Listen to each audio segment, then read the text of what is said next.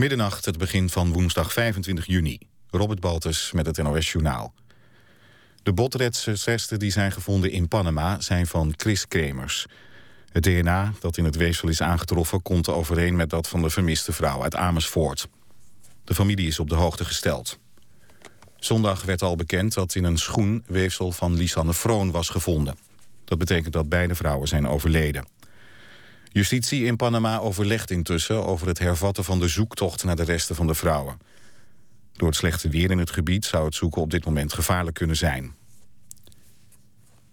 De verlamde Fransman Lambert wordt voorlopig nog in leven gehouden. Het Europees Hof voor de Rechten van de Mens heeft dat volgens Franse media besloten. Het hoogste Franse rechtscollege besloot eerder vandaag dat artsen mogen stoppen met het kunstmatig voeden van de 39-jarige man.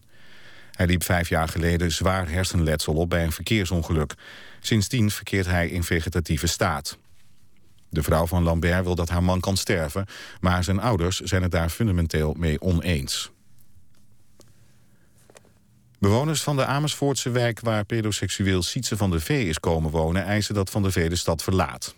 Ze geven de burgemeester een week de tijd om dat te regelen. Van de V is vorige maand op eigen initiatief in een flat in Amersfoort gaan wonen... pal boven een kinderdagverblijf. Omdat hij zijn straf heeft uitgezeten... zijn er volgens de gemeente Amersfoort geen voorwaarden verbonden aan zijn komst.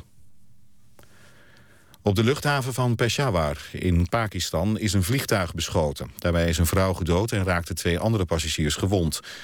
Het toestel van Pakistan International Airlines kwam uit Saudi-Arabië... en had 178 mensen aan boord. Het vliegveld en de omgeving worden door de politie uitgekampt. Het weer, het is overal droog en vannacht wordt het 8 graden. Morgen en overmorgen geregeld zon en een enkele bui. Dan wordt het 17 tot 20 graden. Vanaf vrijdag neemt de kans op buien toe. Dit was het NOS Journaal. Radio 1. VPRO. Nooit meer slapen.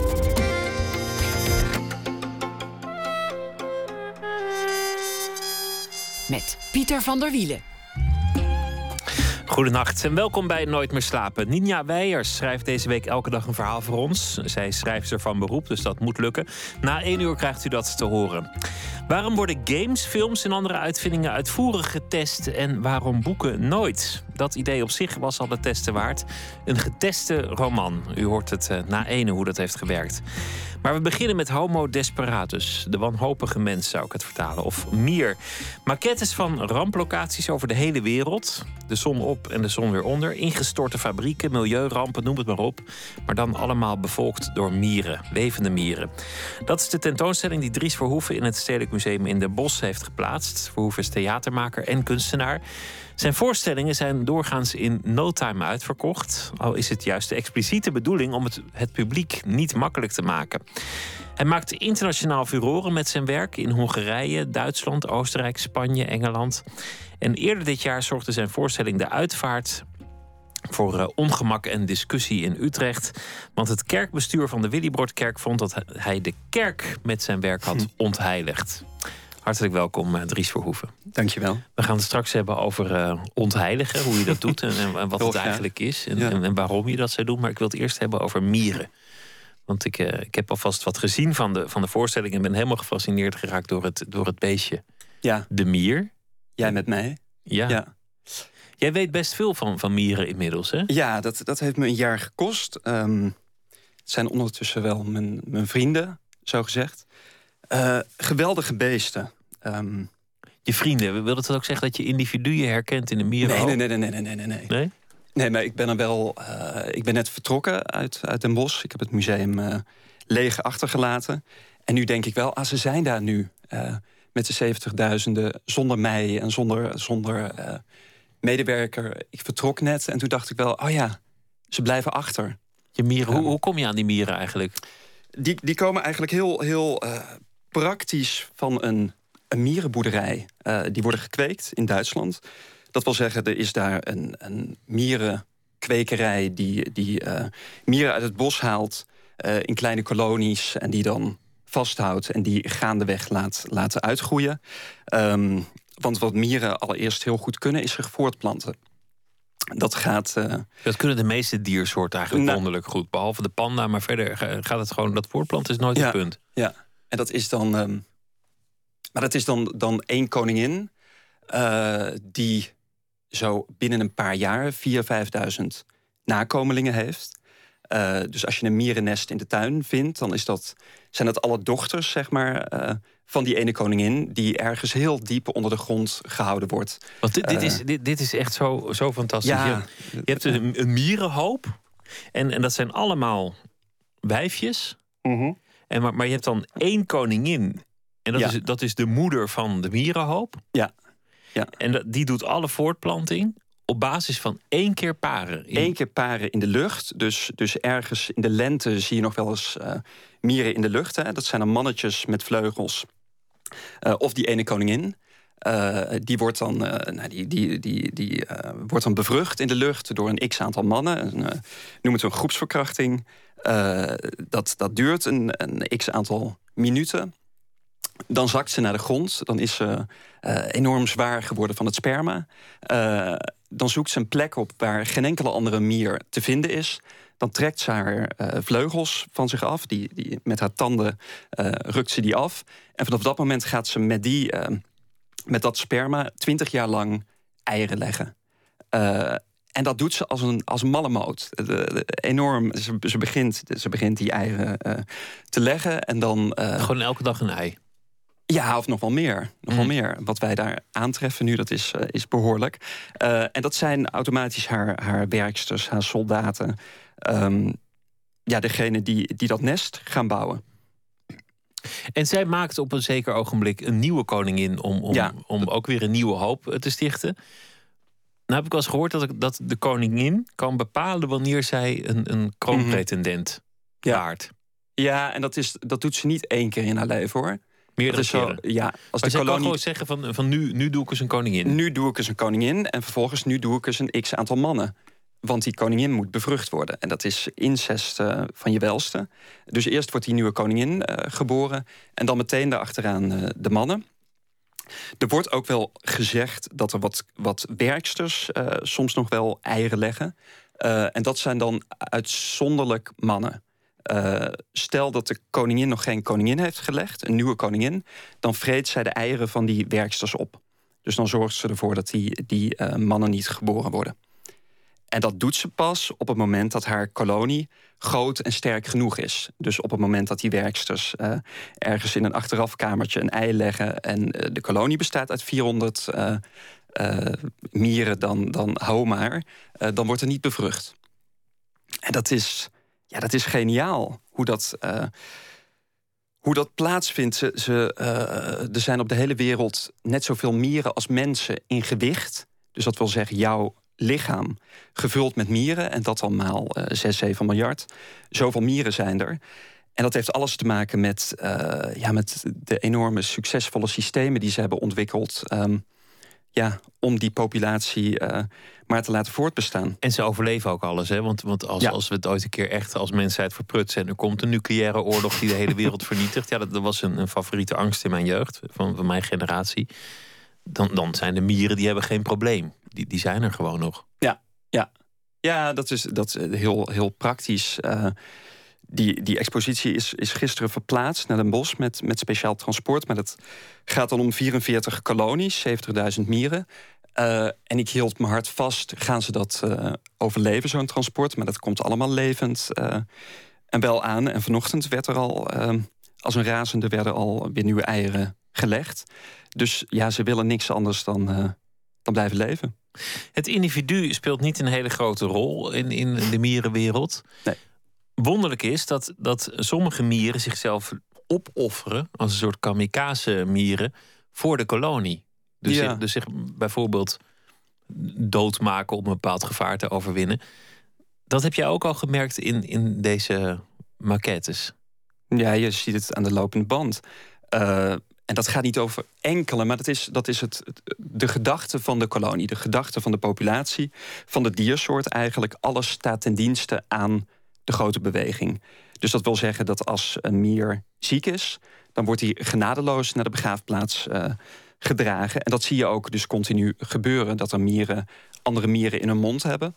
En dan ehm, verplaatsen, dus die ruiken hey, hier is iets niet goed. Uh, hier zie ik de aankondigende dood. En dan ehm, komt mogelijk het voortbestaan van de, van de populatie niet ten goede. Dus laten we het zekere voor het onzekere nemen en hem of haar ja, naar de begraafplaats brengen. En dat ja, als er, als er water is, zie je het ook. Dat er, dat er mieren zichzelf verdrinken om een brug te maken voor de, voor de rest. Om te kunnen oversteken. Uit zelfopoffering. Ja. Hoe is het uh, gesteld? Want, je gebruikt levende dieren, nou ja, mhm. mieren, in, in een uh, expositie. Hoe, hoe zit het met het mierenwelzijn, zeg maar? Is, is dat gewaarborgd? Ja, dat ik ben er een jaar mee bezig geweest met. Ik wist er niks vanaf, hè, wat, wat en hoe met de mier.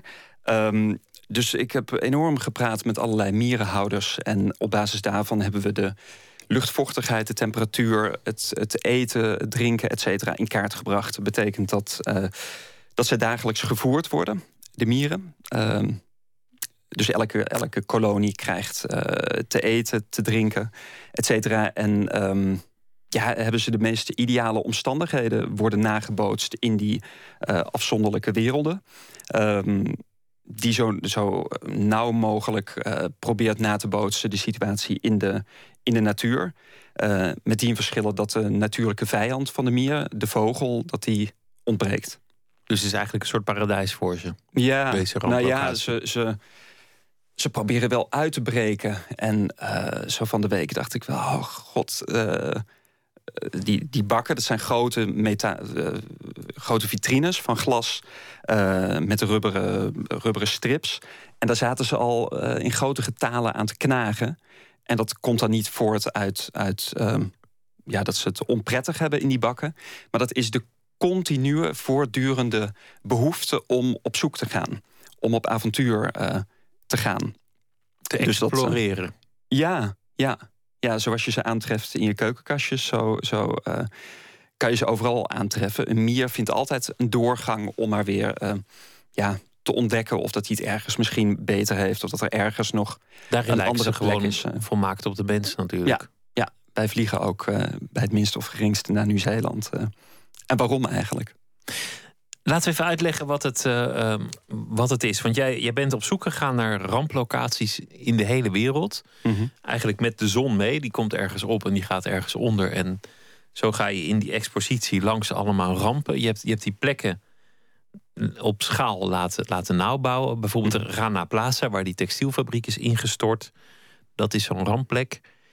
Die maquette die is afgesloten in een bak en daar leven dan mieren in. En zo, als je dus naar jouw tentoonstelling gaat, zie je alle rampen die zich uh, voltrekken op planeet Aarde. Ja, ja. Wat, wat voor rampen zijn er nog meer, behalve Rana Plaza? Nou, dat, ja, rampen, het zijn, het zijn brandhaarden, ongemakkelijke plekken. Plekken waar je de leidende mens, zogezegd, tegenkomt. Plekken waar je misschien um, in levende lijven niet graag, uh, waar je niet graag bent, of, of de plekken die je niet graag op tv of in een krant aantreft. Um, maar op het moment dat je uitzoomt, uh, zijn dat plekken die wel degelijk iets kunnen vertellen over hoe wij de wereld hebben vormgegeven als mensen. Um, dus dan heb ik het over uh, de iPhone-fabriek, dan heb ik het over een, een coltanmijn in Congo, dan heb ik het over een, een zelfmoordbos in Japan, de Westbank. Een zelfmoordbos? Ja, dat is de nummer één zelfmoordplek um, ter wereld. Uh, onderaan de, de uh, Fiji-berg um, in Japan. Um, ja, in, de, in de nabijheid van een, van een industrieel gebied. Uh, Japan is natuurlijk een land met een enorme arbeidsethos. hoge, hoge productiecapaciteit. Maar dat betekent dat er een grote druk op, op um, werknemers ligt. En degene die het niet redden, die uh, hangen zichzelf op in dat bos. Het is een um, onbegaanbaar gebied. Um, als je daar binnenkomt, tref je ook allerlei borden aan die jou nog eens een keer uh, wijzen op de schoonheid van het leven. En dan staat er nog: u kunt uh, elk, elk faillissement kunt u uh, valt te bevechten of kunt u zich uit bevrijden. Denk aan uw kinderen, et cetera. Um, maar daar wordt, er zijn heel veel Japanners die zich daar op, ophangen in dat bos. Um, ja, en dan, dan kan je je natuurlijk afvragen: zijn dat misschien die kamikaze-mieren zijn er misschien mensen die zichzelf, die zichzelf opofferen ehm, voor het succes van de massa. Want je kan niet ontkennen dat, dat uh, Japan ook een heel economisch succesvol uh, land is of was. Uh, en waar die, die, ja, die arbeidsethos ehm, dat land geen, geen windeieren legt. dus, dus eigenlijk bij elke locatie vraag je je weer af...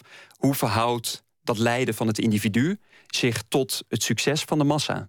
Van de, van de mensheid eigenlijk. Van de mensheid in totaal. Want dat soort beelden komen wij komen we tegen als je, als je het journaal kijkt, als je CNN aanzet, als je maar even op YouTube kijkt.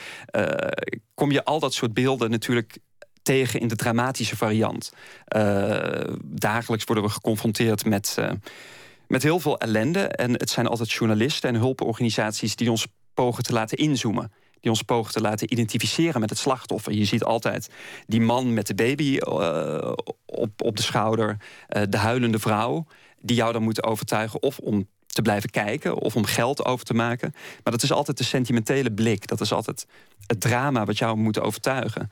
Um, terwijl dat kan ook het drama zijn wat jou de tv doet uitzetten. Of wat op het moment dat je dat soort beelden te vaak gezien hebt. Um, ja, doet besluiten, of, of heel, heel onbewust gebeurt dat waarschijnlijk. Um, om je niet te verbinden met om dat soort weg plekken. Te kijken. Om weg te kijken. Uh, ja, terwijl op het moment dat je blijft kijken, of op het moment dat je erboven gaat hangen, en dat is wat ik, wat ik, waar ik naar zocht, naar manieren om naar al die plekken die we gedurende een jaar, zeg maar, die er gedurende een jaar aan mij voorbij getrokken zijn, om die te bekijken en om die te delen met, met uh, de museumbezoeker, maar dan vanuit een ander perspectief. Dus niet uh, kijkend naar het individu, maar eerder kijkend naar de massa, kijkend naar onszelf als diersoort. Dus om daar als, als helikopter, vanuit helikopterview, boven de wereld te hangen en al die plekken uh, op een veel analytischere, wetenschappelijkere manier te bekijken. Alsof je een astronaut bent of, of God of hoe je het maar wil noemen. Want als je over een mierenhoop stapt, dan ga je ook niet denken van aan al die individuen. Dan denk je ook gewoon, nou ja, mierenhoop. Ja, en misschien, oh, mierenhoop, dat klinkt nog onverschillig. Uh, maar op het moment dat je daar een uur naar kijkt, dan zie je een systeem. Dan zie je hoe die gemeenschap het, het voor elkaar krijgt om met z'n met allen daar um, ja, in leven te blijven. En dat, um, ja, dat is natuurlijk te gek om, om boven, boven elke, elke willekeurige randplek uh, te hangen, boven de Westbank te hangen en te kijken hoe doen die Palestijnen dat? Hoe doen die Israëliërs dat?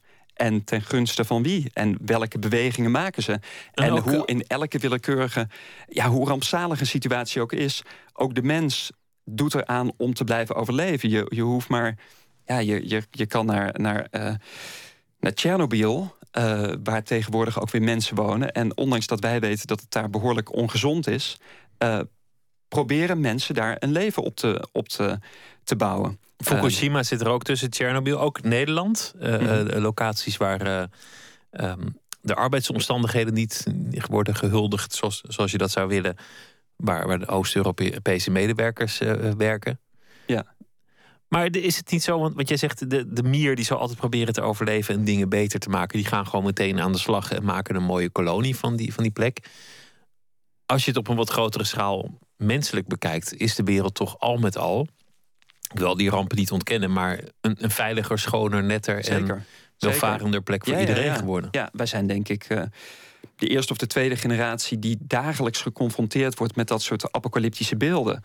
En daardoor kan je de, uh, kan je de conclusie trekken dat het allemaal verschrikkelijk gaat met, met de mensheid grosso modo. Maar, maar puur biologisch gezien zijn we nog nooit zo succesvol geweest. We leven langer en comfortabeler over het algemeen. Ik bedoel, er valt wel eens wat van de wagen om het heel oneerbiedig te zeggen. Ja, maar, maar... dat komt dus... Die, of, ja, niet om daar, om daar nou het, het, een, een groot... Um, om, om te legitimeren dat heel veel mensen uh, sterven of lijden. Maar het is wel zo dat, dat we met z'n allen groeien. Dat we met z'n allen ouder worden. Dat we met z'n allen rijker worden.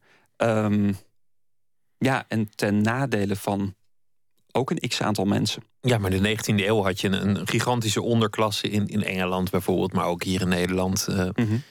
die, die gewoon een, een, kort, naar en vervelend armoedig leven hadden. Ja, ja, en dat is, uh, ja, dat, dat gebeurt. waarom het het, het is natuurlijk de globalisering en de medialisering waardoor we continu in contact staan met de, met de andere kant van de wereld. Hè. En waarom, waardoor we ons ook continu schuldig voelen. Op het moment dat je ziet hoe uh, Chinese vrouwen iPhones in elkaar zetten. Um, dat is geen feest. Op de, op de begane grond van de iPhone-fabriek hangen netten... om te voorkomen dat mensen van het dak springen. Er zijn, in het verleden zijn er veel uh, Chinese medewerkers... die zelfmoord hebben gepleegd. Um, ja, ik heb zo'n iPhone in mijn zak. Uh, de meeste Nederlanders hebben er tegenwoordig één. Dan kan je je heel verdrietig voelen en schuldig... en schamen en, en van de bovenste toren blazen dat dat niet mag. Um, ja, het, het systeem wat we met z'n allen hebben ontwikkeld, is natuurlijk medogeloos. Op het moment dat, dat wij ervoor zorgen dat er in China betere uh, arbeidsomstandigheden komen, dan uh, is Apple zo slim om die fabriek te verplaatsen naar de Filipijnen of een ander lage lonen land waar die uh, arbeidsomstandigheden nog niet zo goed zijn. En dat is het, het continue zoeken. En dan heb ik het over die mier die, die zich door rubber bijt. Maar dat doen wij ook. Wij zijn ook op zoek naar continu de beste methodes om te overleven. En daar plukken we zelf de vruchten van. En daar gaan we ook zelf aan ten onder. Uh, ja, er zijn ook heel veel Europese fabrieken die de deuren sluiten. Omdat het systeem zich nu eenmaal in een bepaalde richting heeft ontwikkeld. Uh, waardoor er ook heel veel uh, werkeloze Franse ja, automechanici zijn... Die, die tien jaar geleden nog Citroëns of Peugeots in elkaar zetten... en tegenwoordig dat niet meer uh, mogen. En bandenfabrieken en, en scheepswerven en, en noem maar op. Ja, en wat dat, wat dat uiteindelijk met je doet, dat. Um, snap je, ik hoop het te markeren, ik hoop het te tonen. Ik hoop jou via het kijken naar de mier allereerst je te laten uitzoomen van al die dramatische, sentimentele blikken uh, die, die, uh, ja, waar, je, waar je ingetrokken wordt dagelijks. En ten tweede, is, ja, in tweede instantie je te laten afvragen hoe verhoudt onze, ja, onze omgang met rampen zich tot die van de mier? Doen wij eigenlijk exact hetzelfde? Of, um, ja, of, of doet de mier het beter? Uh, Daar dacht ik vandaag over na, want ik had jouw mieren gezien. En toevallig heb ik vandaag, nou, doe, doe ik nooit omdat ik prettige werktijden heb, maar in een, in een spitstrein gezeten. Ik weet niet of je wel eens in een spitstrein zit. Nou, dat is dat, vaak. verschrikkelijk. Dat is echt niet te doen.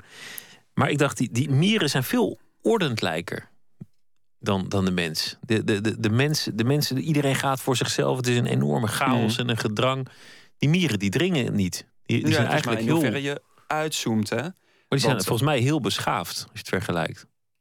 Nou ja, hoe beschaafd is het om een, om een soortgenoot naar de begraafplaats te dragen op het moment dat hij ziek is? Um, ja, oké. Okay, maar...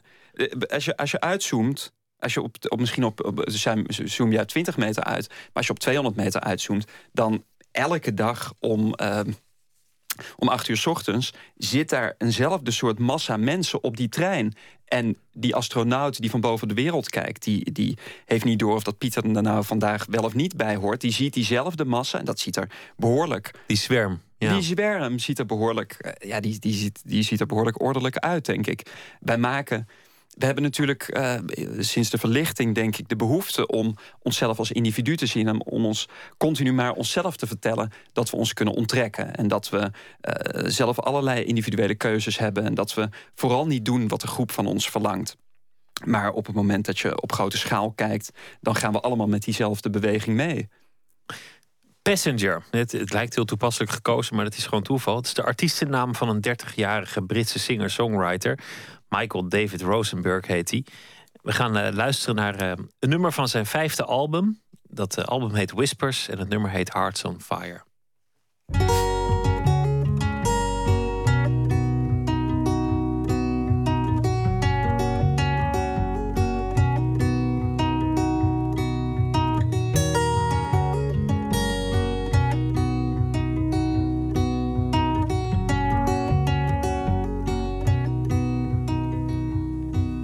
Well, I don't know how and I don't know why.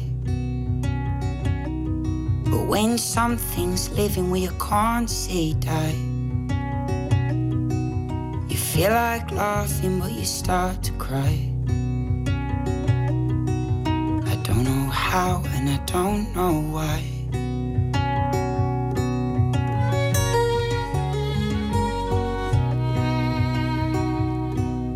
Well, I don't have many and I don't have much. In Fact, I don't have any, but I got enough. Cause I know those eyes and I know that touch. I don't have many and I don't have much. But oh, darling, my heart's on fire. Darling, my heart's on fire. Oh, darling, my heart's on fire for you.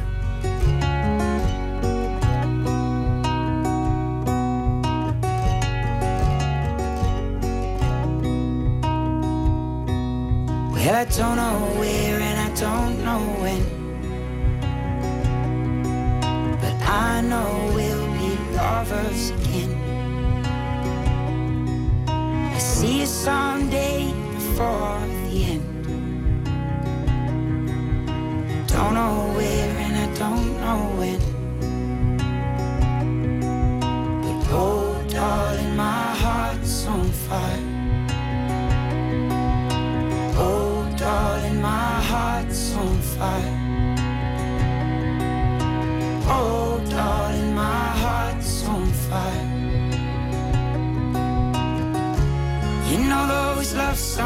break your heart, heart. You know those love songs break your heart, heart. You know those love songs break your heart, heart.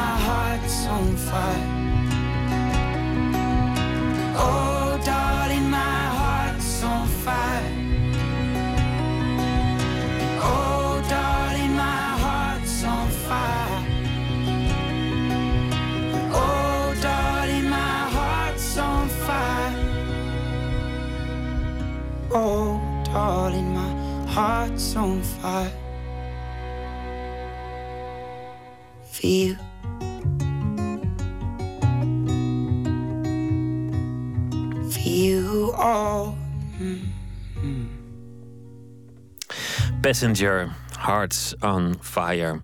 Van een eh, meest recente album Whispers. U luistert naar eh, Nooit meer slapen. In gesprek met eh, Dries Verhoeven over zijn nieuwe tentoonstelling in Den Bosch. Waar mieren rampplekken bevolken. Het mierenwelzijn is goed gewaarborgd. Daar zijn we het over eens. Maar, maar er gaan er veel dood. Dus op een gegeven moment zullen er ook hopen mierenlijken ergens liggen in een, in een hoek. Wat, wat ga je daarmee doen? Ga je die. eh, Die gaan we over het algemeen, denk ik, laten liggen. En ik zie de krantenkoppen nu al weer verschijnen. En ik, ik eh, vermoed al dat er behoorlijk wat brieven eh, mijn kant op komen. Ehm, Kamervragen van de, de Kamervragen van de over Partij van de- mierenwelzijn. Nou, Partij het voor de het Mieren, zomaar- ja. Ik, ik sta niet, van niks meer te kijken. Eh, ja, de, de, er zijn heel veel werksters die na een week eh, overlijden. En ehm, dat wil zeggen, die, die eh, koningin die kan maximaal 20 jaar worden. Maar haar werksters eh, gaan aan de lopende band gaan die, eh, gaan die dood. Ehm, en zoals gezegd, die worden allemaal keurig opgeruimd. Die belanden allemaal eh, op de grote hoop. En de mier heeft daar geen moeite mee. Die kan daar prima mee omgaan met het kijken naar zijn dode soortgenoten. Wij daarentegen hebben daar, denk ik, als mensen wel moeite mee. Wij verplaatsen de dood eh, graag zo ver mogelijk buiten de stadsgrenzen. Eh, dus op het moment dat wij de dood tegenkomen, eh, een dood paard of een dode mier maakt dan weinig verschil. Dan ehm, eh, zal menig, menig tentoonstellingsbezoeker naar zijn hart grijpen. Kan ik me zo voorstellen. Maar goed, je bent niet eh, vies van een beetje controverse zo nu en dan in, in je werk. Nee, nou... Je bent er ook niet naar op zoek? Nee, nou, het is wel het, het, um, het in contact brengen met datgene wat je niet verwacht. Of dat, datgene wat misschien wel tot verwarring leidt. Of wat misschien ook wel tot ongemak leidt. Daar ben ik wel degelijk naar op zoek. Maar altijd om iets anders te bereiken. Dus um, ja, de provocatie op zich vind ik nooit zo interessant als dat uh, op zichzelf staat. Maar om iemand even stil te laten staan en om hem uh, over iets te laten nadenken, heel graag.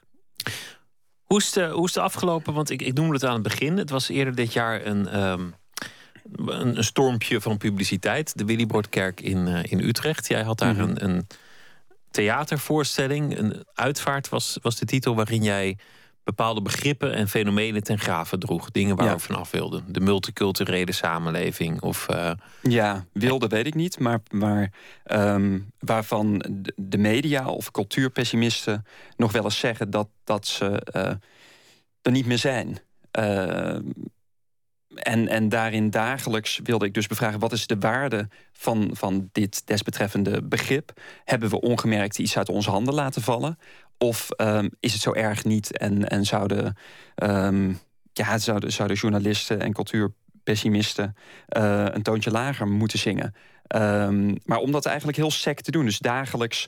Uh, er was één dag dat we de verzorgingsstaat uh, naar zijn graf hebben gedragen. Eén dag de multiculturele samenleving. Eén dag de postkoloniale schuldgevoelens. Maar hoe ging het dan? Dan heb je een bijeenkomst en dan zit, zit, nou, zit een, mis, een, katholieke, een katholieke mis of daar uh, en wie, wie zaten de, gewoon theaterbezoekers, maar dan in de kerk? Ja, theater. Ik weet niet of dat het theater is. Dat is een terugkerende vraag. Ik, ik, um, dat, dat was een, het, eigenlijk het herhalen van het ritueel wat we kennen uh, van, de, van de uitvaart op het moment dat er iemand is overleden. Dus dat wil zeggen de katholieke liturgie, zeg maar, uh, gevolgd in een gigantisch waanzinnige grote kerk in het centrum van, van Utrecht. Um, met alles erop en eraan. Dus dat wil zeggen een organist met een groot koor, met misdienaars. Um, met een voorbeden, met alles wat er zich, zich uh, afspeelt in zo'n zo'n mis. Met familie die, die spreekt. In dit geval dan de familie van onze privacy, de familie van het enfant terrible, de familie van uh, het geloof. Maar, van... maar, wie is dan de, de familie van de postkoloniale schuldgevoelens? Wie spreekt er dan? Dat was uh, Noralie oh ja, okay. ex-nieuwslezeres, die het had over... Um, ja, over in hoeverre de jaren 70, jaren 80 de Nederlander gedreven werd door uh, postkoloniale schuldgevoelens. Hoe ze dat aan de, aan de eigen uh, ja, levende lijven heeft, heeft ondervonden. En hoe ze daar gaandeweg weer uh, van afscheid heeft moeten nemen. vervolgens kwam er dan een, een, gingen de klokkenluider van die kerk, kwam er een uitvaartauto. En gingen we met die hele massa mensen naar een tijdelijk aan, aangelegde begraafplaats. Waar we die tien begrippen dus dagelijks ten gave droegen. Um, dus aan het eind van dat festival, was het Spring Festival, was er een hele begraafplaats van tien mogelijke overleden um, ja, onderdelen van de maatschappij. Om dat apocalyptische denken te bevragen. Dat was misschien nog wel de, de, de grootste reden om het uh, te doen. Um, omdat ik het gevoel krijg, en dan, dan Net hadden we het over die mieren en over de, de grote apocalyps. Over uh, de wereld die ten einde is op het moment dat je te lang CNN kijkt. Ging het hier over Nederland. Over het pessimistische denken over uh, ons land. Uh, om dat te bevragen. Uh, zouden we wel degelijk iets ten gave moeten dragen of, of niet? Wat ik niet begrijp is dat er een, een, een rel is ontstaan met het kerkbestuur. Die, die op een gegeven moment zo hoog is opgelopen dat de het bestuur of, of een deel van het bestuur heeft gezegd: deze kerk is ontheiligd. We zullen bepaalde diensten hier niet meer houden. Want, hmm. want dit is niet langer een heilige plek. Deze plek is zo gruwelijk misbruikt door dit, door dit kunstwerk. Ik wist niet dat dat kon, dat een kerk ontheiligd kon ja, zijn. Zeker, ja, zeker. Je, je, kan, ja, je kan zelf uh, dingen bedenken die daar niet mogen plaatsvinden. Maar dat daarna dat gebouw ook echt besmet is en, ja. en onbegaanbaar en dat je daar ook nooit meer een normale dienst wilt houden. Ja, tenzij je er weer met een kwast doorheen gaat en weer zegt: nu is hij weer heilig. Dat is in principe een hele, hele eenvoudige handeling die je, die je verricht om een kerk te, opnieuw te heiligen. Opnieuw te heiligen. Uh, dat, er wordt natuurlijk heel veel, heel veel poeha omheen uh, gemaakt. En ik snap dat ook wel. Dat, dat, dat heeft de gelovigen nodig om om op het moment dat hij dat kerkgebouw betreedt... het gevoel te hebben dat dat een sacrale plek is. Dat het een plek is die zich onderscheidt van de buitenwereld. Ehm, en daar, daar zijn dan een x-aantal rituelen voor ontwikkeld... om, uh, om hem dat gevoel te geven. Wat ik, wat ik wel snap is dat je bepaalde dingen niet in een kerk doet... omdat het, dat het nou eenmaal een plek is die voor bepaalde wat, dingen bedoeld is. Zo bizar vond, was dat die mensen die daar problemen mee hadden... dat die die avonden helemaal niet hebben meegemaakt, maar dat die uh, dit met name hadden van horen zeggen.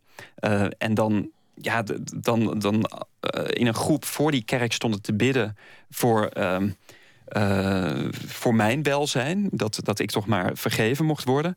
Dat God toch maar die kerk uh, weer, weer uh, heilig mocht, mocht verklaren. Of zijn, ja, de mensheid mocht vergeven dat er zoiets verschrikkelijks was gebeurd met, die, met dat gebouw. Um, zonder dat gesprek met mij aan te gaan. Dat was met name wel waarvan ik dacht. Maar ik, ik neem aan dat je niet zomaar in een kerk kunt huren zonder een overleg te hebben met het kerkbestuur over wat je daar ja, precies dat gaat kan doen. Wel. Dat kan, nou ja, die, die, dat is natuurlijk, wat, hoe huur je dan een kerk? Is het, gaat dat via dat een gaat even- via de verhurende stichting. En die, die eh, sinds kerken in Nederland minder en minder bezocht worden... ehm, is het de vraag wie, hoe worden die plekken onderhouden. En heel vaak worden die toch onderhouden door, ja, door, door inkomsten te genereren. En lees dan eh vioolconcerten te organiseren... of eh, alles wat er zich kan plaatsvinden in een kerk. Ehm, voor de Sint-Willibordkerk betekent dat dat er een beherende stichting was. En die verhuurde dat uit op de zondagochtend aan die, dat, dat pastoraat... aan degene die daar eh, de kerkmissen organiseerde... en aan een verhurende stichting die dat weer eh, aan ons verhuurde. En ja, wat dit natuurlijk met name de vraag die, die werd opgeworpen was... ehm, wie beheert of wie, wie behoort zo'n gebouw toe? Want dat is een geweldig gebouw. Eh, zo'n jaar of acht geleden is dat verbouwd. Met heel veel gemeenschapsgeld. Het is een gigantisch gebouw. Op het moment dat je daar op zondagochtend naar binnen komt... dan eh, zitten daar eh, 40 man eh, te bidden. Je kan als gemeenschap zeggen, wij vinden dat het waard. Wij willen met z'n allen zo'n gebouw in ere laten bestaan... en vervolgens 40 mensen uit de stad Utrecht een mogelijkheid geven om daar te bidden. Dat kan je zeggen. Maar wat, wat, ehm, wat we hebben gezegd is nee, laten we met z'n allen gebruik mogen maken van zo'n kerk. En daar wat meer laten plaatsvinden dan alleen maar die, die kerkdiensten. En nou ja, dat is misschien ook wel wat die, wat die uitvaart deed. Hè? Want het bracht, denk ik wel, heel veel mensen bij elkaar. Eh, om met z'n allen te bevragen wat is er van belang. En dat is wat, die, wat de katholieke kerk al eeuwenlang wil. Maar even Mensen voor mijn duidelijkheid. Je, je bent naar die, die stichting gegaan, die, die daar evenementen, Mhm. eh, concerten, et cetera, organiseert. Je hebt gezegd, oké, ik wil een theatervoorstelling doen. Nou, ik ben er heel bloed eerlijk geweest. Maar heb je verteld van, oké, ik ga een katholieke mis nabootsen... eh, Mhm. als ware het een begrafenis? Mhm. Ja, sterker nog, die, die eh, verhurende stichting... Die, ehm, die was daar heel enthousiast over. En die dacht met mij mee. En die dacht mee in hoe we, hoe we ehm, dat karakter van die, eh, van die mis... zo goed mogelijk konden nabootsen in die kerk. En Maar ja, dat, is dan... maar dat is ook zo gek niet. Hè? Er zijn heel veel katholieke kerken in Nederland... waar films worden opgenomen, waar series worden... je hoeft maar Baantje te kijken of Panoza... of al die, die series op de Nederlandse televisie... waar wel eens een, een, een, ja, een kerkdienst bezocht wordt. Eh, dat wordt allemaal opgenomen in geheiligde kerken. Eh, net zo goed als dat... Ja, net zo goed als dat dat hier plaatsvond. Maar het is wat, wat natuurlijk altijd gevoelig ligt, is als, als er, want dat- geldt ook voor filmsets. Ik, ik, ik, weet van een aantal voorbeelden waar dat aan de hand is. Hmm. Dat, dat het nep bidden of een nepdienst Ja. in een kerk, dat ligt altijd gevoelig. Want, want Ja, en dan, het dan weten almachtigen ook niet meer wanneer het echt is. dan, dat is gewoon het, het, het punt. Ja, On- verkeerd. Onlangs was er trouwens ook een, een presentatie van een stripboek. eh, Van een, van een stripauteur. En of, of het nou zijn geaardheid was of de inhoud van die strip, daar is nog discussie over. Maar op het laatste moment zei het kerkbestuur ook van nee, we willen dit toch niet in onze kerk. Nee, maar dat was hebben. dezelfde kerk. Die Ja, waren doodsbang geworden. kerk, ja. ja. Die was al ontheiligd, maar toch mocht dit niet daar alsnog plaatsvinden. Ja, ja. Dus eh, kortom, het is, het is een gevoeligheidje. We moeten het misschien ook niet groter maken dan, dan het is. Nee, nou, ik, vond, ik, ik heb ook mensen, ehm, ja, gelovige mensen uit die, uit, die, eh, ehm, ja, uit die parochie bezocht. En dan had ik daar ook wel mee te doen, moet ik zeggen. Met mensen die, die heel verdrietig waren dat ze op de zondag niet meer hun kerk konden. Want je bent zelf katholiek opgevoed. Je bent, bent lang, lang nog in kerken geweest. Dus je, je, je, Zeker. kent het gevoel en de gevoeligheden en, en, en de ja, sfeer. en ik ken ook de waarde. Ik ken de waarde van dat soort rituelen. En ehm, wat die mensen denk ik niet begrepen... En dat heeft er alles mee te maken dat ze er niet waren... is dat het geen ehm, parodie was, dat het geen persiflage was. Dat het niet het belachelijk maken was van het katholieke geloof... maar dat het het gebruik maken was van die rituelen... om iets anders te bevragen. Uh, omdat die, ja, die, die uitvaartdiensten... Uh, ja, je hoeft maar de gemiddelde atheïst te vragen: hoe wil je begraven worden? Of wat wil je graag dat er plaatsvindt op jouw uitvaart? En dan slikken we even op het moment dat we ons realiseren dat, we, dat er ergens in een verlaten aula een microfoon staat. En dat er gezegd wordt: Nou, als iemand nog iets wil zeggen, hier staat hij. Wat ik wel eens heb meegemaakt. En dat je denkt: wat hebben wij. Wat kunnen wij voor troost nog hebben op het moment dat, dat, um, dat we afscheid hebben genomen van de katholieke mis, de katholieke uitvaart? Uh, wat kan ons nog. Uh, ja, die omarming geven op het moment dat we al die rituelen ook gedag zeggen. Uh, ja, er is, er is, heel veel waardevols in die kerk waar we nog geen uh, alternatief voor hebben bedacht, denk ik. Is ook wel gesuggereerd hè, om, een, om een atheïstische kerk op te richten. Mm -hmm. waar, je, waar je wel alle rituelen en, en het samen zijn en de preken en de gezangen hebt.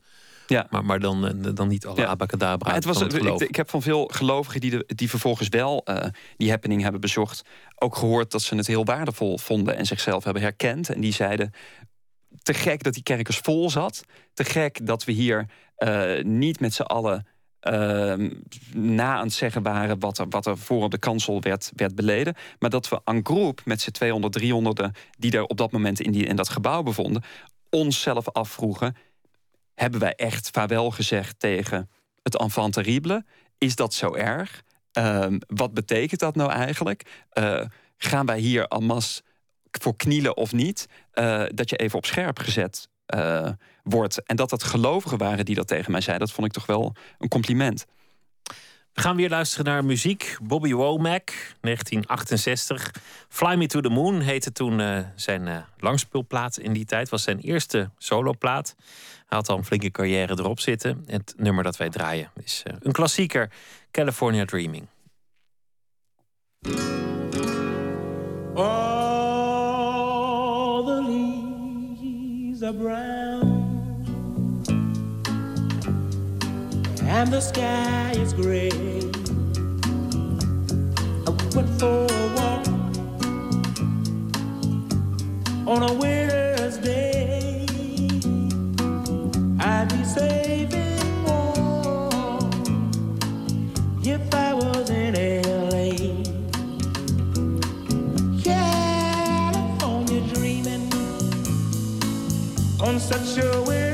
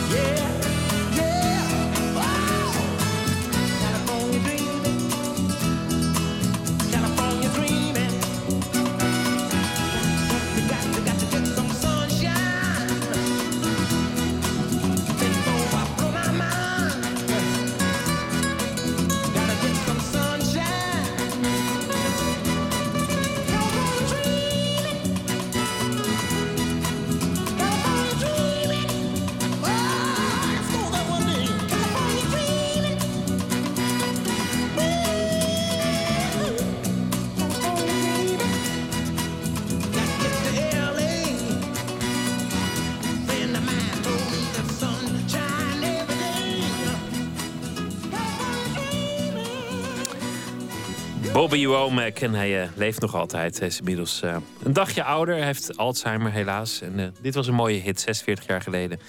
California Dreaming. In gesprek met Dries Verhoeven over het ontheiligen van kerken... en het stichten van, van mierenhopen. Je noemde het begrip enfant terrible, dat dat er ten graven werd gedragen. Ben je zelf een enfant terrible? Zou je dat kunnen zeggen? Dat moet je nooit van jezelf zeggen natuurlijk. Nee. Maar als iemand er naar vraagt, dan kan je erop speculeren allicht. Nou, dat, nee. Ik zie mezelf niet als een enfant terrible. Eh, ik laat hier de boel nog behoorlijk heel. Eh, Dingen komen Nou, in nee, relatie. ik, ben- ik, ben, ben minder bang geworden, denk ik, de afgelopen jaren. En ik heb meer de behoefte gevoeld om. Zo sinds, sinds die hele eh, discussie over de waarde van, van de kunst en of dat de kunst gesubsidieerd moet worden. En dat ik steeds meer mezelf wel begin te. Ja, dat ik me steeds meer realiseer dat we. eh, de vinger op de zere plek mogen leggen als kunstenaars. En dat we niet bang moeten zijn om eh, credits te verliezen. Of om eh, ehm, geen goedkeuring te krijgen van politiek of van, van eh, ehm, het electoraat of van de grote massa of van wat dan ook. Maar dat, je, ja, dat ik me steeds nadrukkelijker eigenlijk heb gevoeld... ik moet wel met een heel goed verhaal komen, anders hoef ik het niet te doen. En dat betekent ook dat je in de, in de kunst die je maakt... en in de vormen die je kiest, dat ik soms ook pijnlijke dingen aansnij... en dat de vorm die je kiest soms ook ehm, pijn doet of verward... of ehm, ja, iets anders doet dan entertaint. Dat is ook wel een reden dat ik, dat ik een haat-liefde verhouding met het theater heb. Want ik kom uit het theater en daar de theaterzaal bespeel ik steeds minder. En dat heeft er absoluut mee te maken met, met eh, de haat voor het avondje uit. En eh, ja, de gedachte dat je niet wil entertainen. En Het dat moet je, niet te eh, makkelijk worden. nou, er is al zoveel. Er zijn Maar- al zoveel me- media die het ons naar de zin maken. Dus op het moment dat je dat eh, ook nog eens als kunstenaar gaat doen, dan ga je voorbij aan al het andere wat het ook eh, zou kunnen doen. Ooit ging je hotelschool doen. En opgegroeid in een katholieke familie. Ehm, en op een gegeven moment moest je iets gaan doen in het leven. En het werd, werd de hotelschool. Maar dat, dat heb je niet afgemaakt. Je ging eh, decorbouw studeren in, in, in Maastricht. Maar de hotelschool, dat, daar leer je bij uitstek om te pleasen. Daar, daar leer je om het mensen naar de zin te maken en in, in de wat te leggen. Dus ergens zit die kant toch in je. Of heeft die in je Nou, nee, ik, ben, ik, ben, ik ben gastvrij, ben ik wel. Denk ik. Ik hou ervan om te koken. Ik hou ervan om gasten thuis te hebben. En ik ging met die, met, ik, ja, weet je, ehm, mijn opa was banketbakker. En ik heb in mijn hoofd gehaald toen ik acht was dat ik dat ook wilde. En dat nooit meer bevraagd. En op mijn achttiende trof ik mezelf aan op die hotelschool. En na een maand dacht ik, wat in godesnaam doe ik hier? Want deze mensen willen allemaal geld verdienen. Die willen, niet, eh, die willen geen taarten bakken. Die willen geen, eh, het niet mensen naar de zin maken. Eh, dus daar, ik kwam daar heel snel op terug. En ik, ja, ik was ook een hele brave jongen die, die deed wat zijn ouders verwachten. En wat, eh, wat hij ooit eerder had bedacht. En, en eh, nou ja, eh, toen werd ik 18 en toen dacht ik, nou, ik ga hier vertrekken. En toen naar de kunstacademie.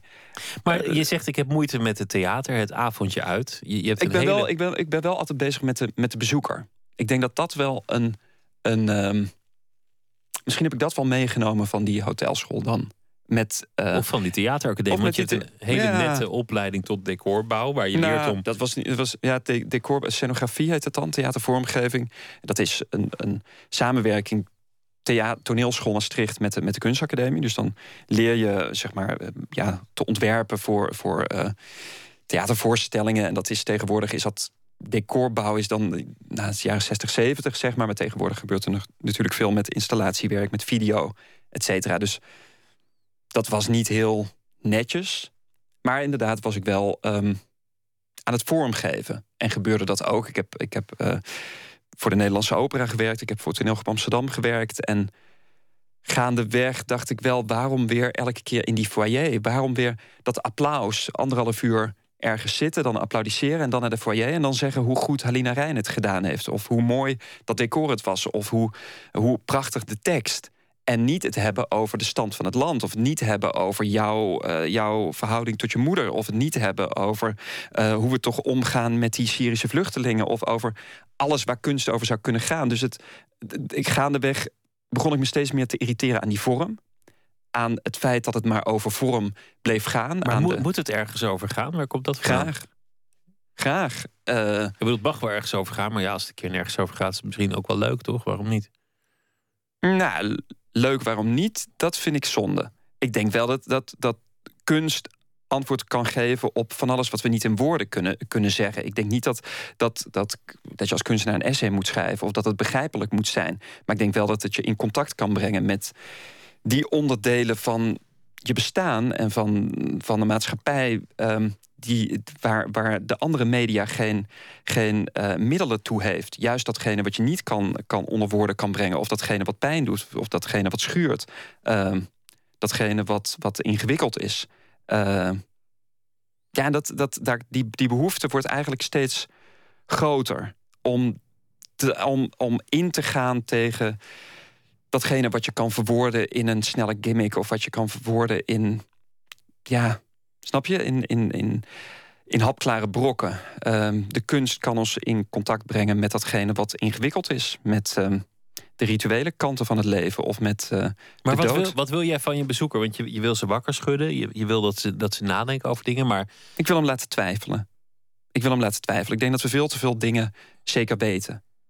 Ik denk dat we veel te vaak antwoorden kunnen formuleren. Dat we veel te vaak zeggen zo is het en niet anders. En ik denk dat kunst ons elke keer weer een zet kan geven. De andere kant op wat die kant dan ook is. En daarom verandert de kunst, denk ik, steeds ook weer.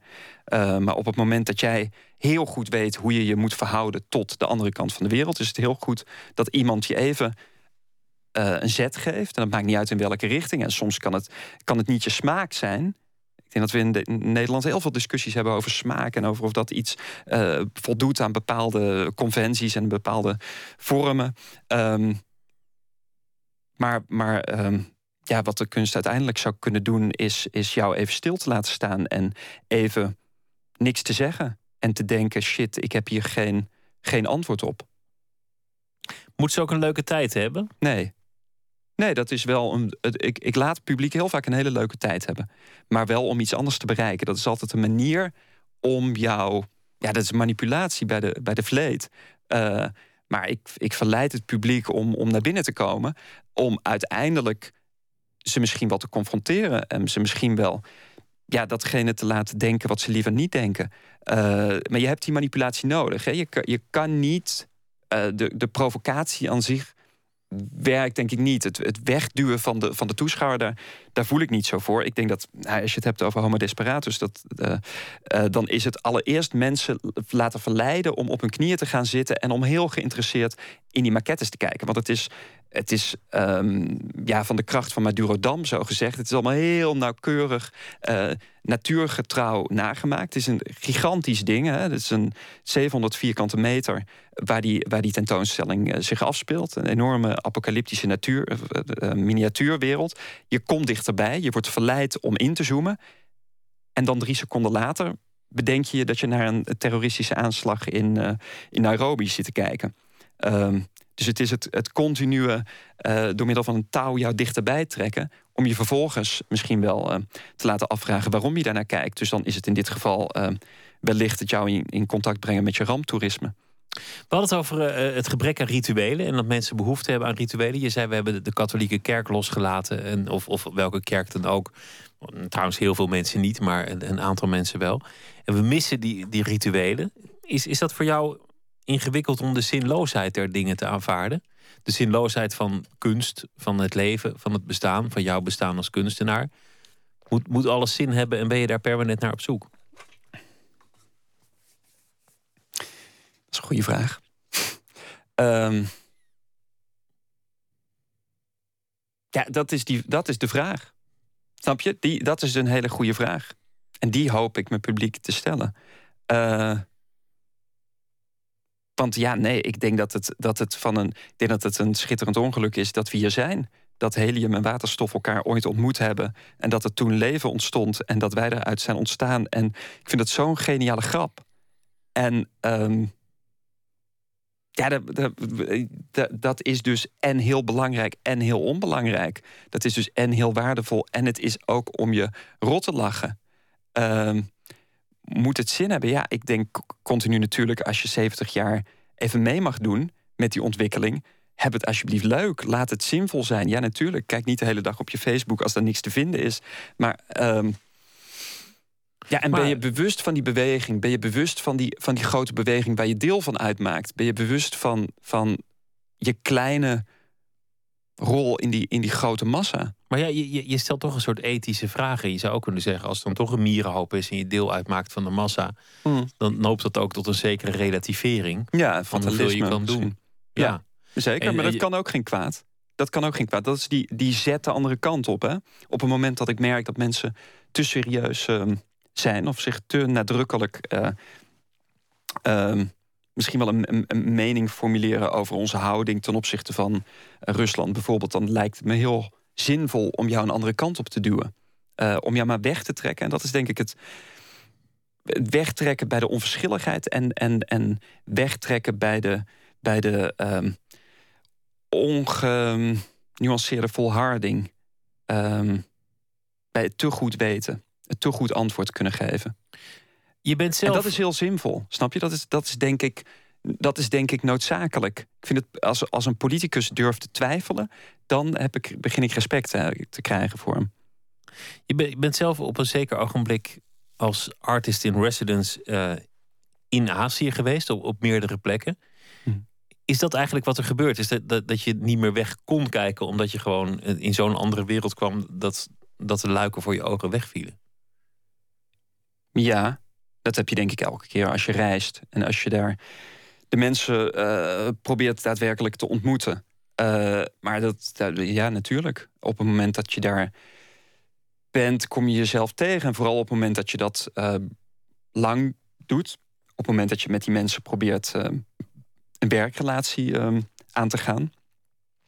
Ehm, in mijn geval was dat dan in een, in een voormalig tsunami-gebied. Ehm, waarin die, die vraag van hoe kijk je naar het lijden van anderen, die in Homo Desperatus ook gevraagd wordt, eh, misschien nog wel. Ja, die kwam heel dichtbij, want ik liep daar continu in die, in die gebieden die weggespoeld waren. met nog de, de laatste resten van, van de huizen die daar eh, ooit stonden. En ik vond dat enorm ongemakkelijk, want ik kom uit die westerse wereld die die poogt om alles zo ideaal mogelijk te schetsen. Dus op het moment dat ik iemand aansprak daar en zei: hey, waarom zijn eigenlijk die krotjes niet weg? Want we leven nu hier acht jaar later. Eh, die had je toch zo met een hamer even weg kunnen slaan, want ze probeerden daar een toeristisch gebied van te maken. En die man zei: nee, dat doen we niet. Ik zei: maar waar- waarom eigenlijk niet? En die man begreep mijn vraag niet. Ik zei: nou, dat is heel ongemakkelijk om naar te kijken. Hij zei: nou, nee. Als boeddhist moet je altijd iets in je ooghoek hebben. wat je doet herinneren aan het feit dat alles tijdelijk is. En dus op het moment dat er bezoek komt, moet je iemand altijd een kopje geven met een barst erin. Zodat dat hem herinnert aan het feit dat hij ooit ook zal verdwijnen. Dat is een teken van respect voor het bezoek. Eh, en dat is waarom we die huizen hier laten staan. Zodat wij weten dat niks permanent is.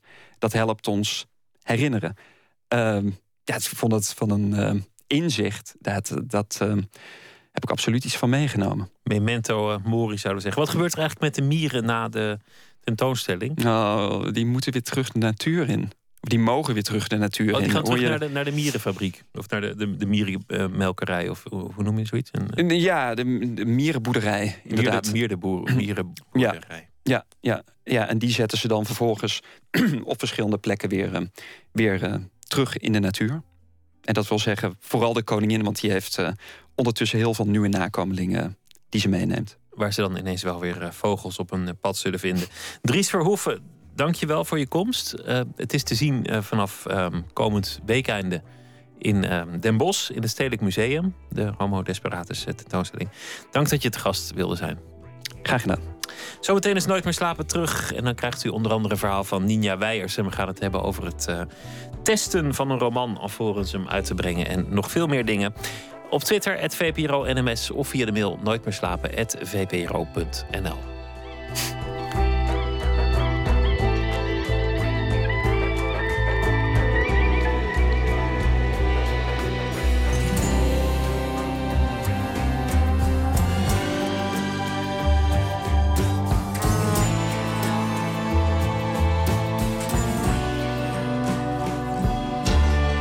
Radio 1. Het nieuws van alle kanten.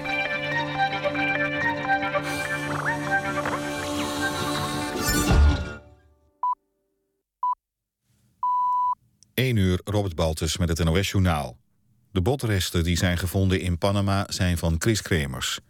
Bronnen melden aan de NOS dat het DNA dat in het weefsel is aangetroffen... overeenkomt met dat van de vermiste Amersfoortse. Beide vermiste vrouwen zijn dus omgekomen in de jungle in Panama. Eerder bleek al uit laboratoriumonderzoek dat weefsel was gevonden van Lisanne Vroon. De familie van Kremers is ingelicht. Kremers en Vroon werden sinds 1 april vermist. Ze waren gaan wandelen in de buurt van de stad Boquete. De verlamde Fransman Vincent Lambert wordt voorlopig nog in leven gehouden. Het Europees Hof voor de Rechten van de Mens heeft dat volgens Franse media besloten. Het hoogste Franse rechtscollege besloot gisteren dat artsen mogen stoppen met het kunstmatig voeden van de 39-jarige man. Hij liep vijf jaar geleden zwaar hersenletsel op bij een verkeersongeluk. Sindsdien verkeert hij in vegetatieve staat. De vrouw van Lambert wil dat haar man kan sterven... maar zijn ouders zijn het daar fundamenteel mee oneens. In het Brabantse Den Hout zijn 18 vaten met drugsafval gevonden. Een voorbijganger zag de vaten liggen en waarschuwde de politie. De vaten zijn weggehaald en worden nog nader onderzocht. In de afgelopen maanden zijn in Brabant al vaker vaten gevonden. Meestal zat er afval van de fabricage van synthetische drugs, zoals ecstasy in. Bewoners van de Amersfoortse wijk waar pedoseksueel Sietse van de Vee is komen wonen... eisen dat Van de Vee de stad verlaat.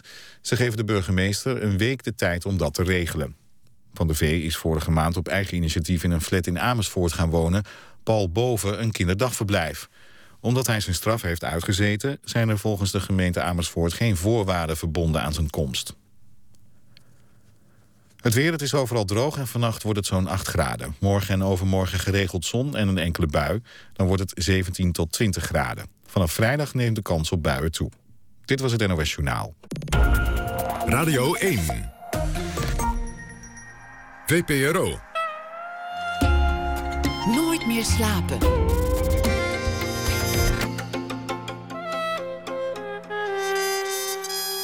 Met Pieter van der Wielen. U luistert naar Nooit meer slapen. We beginnen dit uur zoals gebruikelijk met een schrijver die we laten reageren op de wereld en elke dag een verhaal schrijven bij de dag. Ninja Weijers studeerde literatuurwetenschap, publiceerde vele korte verhalen in De Gids onder andere. En dit jaar verscheen De Consequenties, haar eerste roman over een gevierde jonge kunstenares die van haar eigen leven een laboratorium maakt. Goedenacht Ninja. Goedenacht. Wat heeft je vandaag uh, bezig gehouden? Ja, ik, uh, ik las een bericht over een uh, vrouw uit Engeland die een jurkje had gekocht bij de Primark. En dat is een soort uh, kruising tussen de CNA en de H&M. en daarin vond zij een extra label met daarin een soort alarmerend bericht van een fabrieksarbeider waarin stond forced to work exhausting hours. En ja. daar is een hele rel om ontstaan. Ik las het en, en die vrouw die is toen daarmee terug naar Primark gegaan. En die, die zeiden, ja, nou, we weten van niks, maar we zullen het dus uitzoeken ja. hoe, de, hoe dat zit. Ja, ja De- klopt. ja, wat, wat uitzoeken inhoudt, dat, dat kan natuurlijk twee kanten op. Namelijk van, werken ze inderdaad zulke lelijke uren... of wie laat er in, in godesnaam briefjes achter in onze kleding? Ja, nee, ja, wat ik vooral opvallend vond was, was de schok die het teweeg bracht. Terwijl ik eigenlijk dacht, ja, we weten eigenlijk allemaal dat het niet goed zit in die fabriek daar in Bangladesh. Ehm, en dan is dit ineens heel schokkend. Dat, dat vond ik eigenlijk vooral eh, opvallend daaraan. Ja, het wordt wel heel direct, hè? Als je, als je het in je... Als Ja. iemand zo'n wanhoopskreet in, jou, Ja. in jouw kleren heeft genaaid. Ja, ja, klopt. Ja. Dus, ehm, dus ja, ik dacht, ik, eh, ik ga even een brief schrijven eh, van een naaister... die ze zou kunnen schrijven naar een consument in Nederland. Als het op het label zou passen. Nou, ga je gang. Precies, als ze er de tijd voor zou hebben. Ja. Beste mevrouw, gefeliciteerd met uw aankoop. U was vast in uw nopjes toen u hoorde dat de Primark naar Nederland kwam. In Londen was u al eens bij zo'n winkel binnengegaan en daar had u zich vergaapt aan al die leuke spullen en hoe in de mode en hoe weinig het allemaal kostte. Nog goedkoper dan de H&M. Het was onvoorstelbaar. Misschien maakt u er een uitje van deze keer. Met de auto naar Hoofddorp, vriendinnen op de achterbank, Bon Jovi luid over de speakers. Ironie natuurlijk, maar dan die van het oprechte soort. Dat herinnert aan een tijd voordat het leven werd opgegeten door alle dagelijkse verplichtingen waaruit het nu is opgebouwd. U sloeg uw slag, zoals dat bij jullie heet. Sokken, ondergoed, overhemden voor uw man. Een tienpak rompertjes voor de kleine, want ze groeien als kool. Het heeft geen zin daar allemaal duur spul voor, et cetera. U kon het niet helpen, maar het maakt u trots. Zoveel voor zo weinig geld. Alsof u op zo'n markt in Zuidoost-Azië was geweest... en daar uw poot stijf had gehouden tegenover een verkoper... die eerst te veel vroeg, maar uiteindelijk zwichtte. U had u zelf weinig frivoliteiten toegestaan... maar dat ene jurkje leek wel speciaal voor u gemaakt. Hoewel u niet precies oud bent... is het prettig dat af en toe in iets fleurigs weer spiegel te zien. Pas toen u het ding thuis nog eens paste, viel u, in een, u een verharding op bij het label. Tot uw verbazing bleek er een heel klein briefje ingevouwd te zitten. In het briefje staat het voorgaande en het volgende. Help me, ik ben doodop. Nu zult u van schrik een hand voor uw mond slaan. U zult de Primark bellen, die u 15 minuten lang laat wachten en u alsnog niet te woord zult staan. U zult een krant zoeken die uw verhaal publiceert. U zult verklaren het beeld van een vermoeide naaister niet uit uw hoofd te kunnen zetten. U zult zweren nooit meer naar de Primark te gaan. Dit noemen ze het Identifiable Victim Effect. Meeleven met één specifiek slachtoffer is makkelijker dan met een anonieme groep. Soms, voor, vlak voordat ik in slaap val, stel ik me duizenden vrouwen voor zoals jij, in duizenden jurkjes die ik heb genaaid. Jullie raken verpulverd onder een instortend gebouw en het is niet moeilijk me los te maken van mijn empathie, want jullie zijn met te veel en ik heb geen idee hoe jullie heten. Met een vriendelijke groet, Aisha, 13 jaar, Dhaka. Zo, het is, uh, dit is een duidelijke brief. Toch, toch vind ik het ook, ik vind het uh, van twee kanten mooi. Want ik denk namelijk dat het begin van de oplossing is als alle consumenten Primark of elke andere keten vragen: hoe zit dat eigenlijk met die fabrieken van jullie? Dat is volgens mij het begin van de oplossing. En het is ook een, een daad van jezelf hermenselijken. Dat je geen robot wordt als je zo als daad van verzet zo'n briefje in, in dat shirtje ja. naait. Ja, ja, het, het verbaast. Het, het is altijd opvallend inderdaad wat je net al zei. Van dat je, als, je, als je één concreet voorbeeld hebt, dat je dan ineens met je neus op de feiten gedrukt wordt. En tegelijkertijd kun, kunnen al die arbeiders moeilijk, denk ik, allemaal van die briefjes in kleren gaan naaien en dan pas gehoord worden. Dus dat is altijd zo lastig daaraan, denk ik. Nou ja, als ze daar de tijd vallen. Ja, het zou een mooie, mooie daad van verzet zijn natuurlijk. Ja, het zou een mooie daad zijn. Het is, maar het is ook heel schrijnend dat het, uh, dat het überhaupt nodig is natuurlijk. Maar goed. Ik werd laatst gebeld door een callcenter. Die probeerde bij een van de onzinverzekering aan te, te smeren. En die, die jongen die begon het gesprek ermee... Dit gesprek wordt voor evaluatiedoeleinden opgenomen. Vindt u dat goed, meneer? Ik zei ja, ik vind het best. En toen zei hij halverwege dat gesprek... Het is een enorme onzinpolis, u moet hem nooit nemen, meneer. Dat vond ik een beetje hetzelfde. Dat, dat die jongen toch nog mens is gebleven en zich nog niet tot robot heeft laten slaan. Ja, nou ja, dat, dat is wel hoopgevend in ieder geval. Ja. Er, is, er is hoop voor de mensheid. Het is hoop, misschien, een beetje. Ninja Weijers, dankjewel. Morgen krijgen we weer een verhaal van je. En ik wens je voor nu een hele goede nacht. Hetzelfde. De Amerikaan Tom Krell bedient zich van de artiestennaam How to Dress Well. Onlangs verscheen een derde album van hem. De titel What is This Heart? U hoort het nummer Two Years On.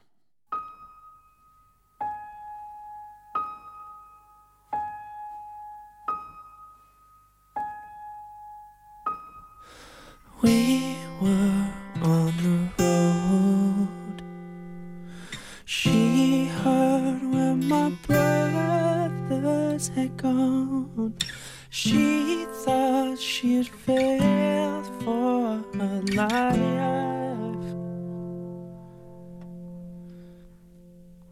My father, he was terrible.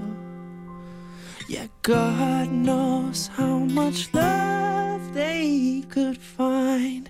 And they built a house all of liars. Yeah, he knew that they were born to love. Yeah, he knew they were men. He knew they were no different than you,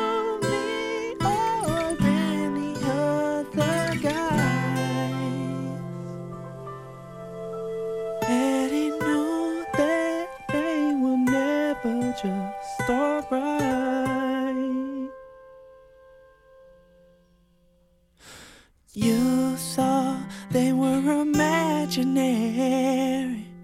Yet no one ever told you life would be this unfair, but oh, it is. Yet no one would ask this for themselves. The windows down, the wind on my skin. My brother's in bed with these women. The day I learned that for me, pride was cut with shame.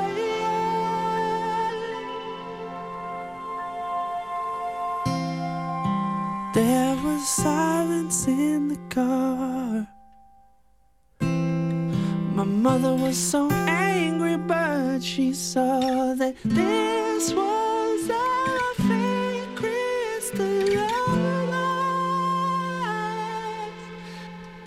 There for them, there was so much frustrated desire, and that their pain it would never expire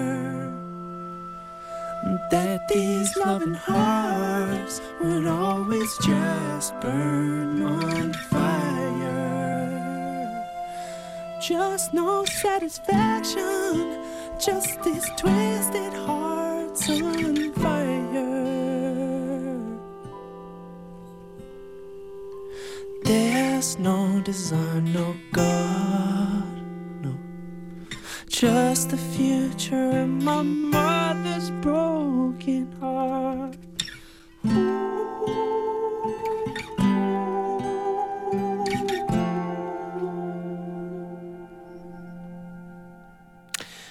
How to Dress Well, het nummer heette Two Years On.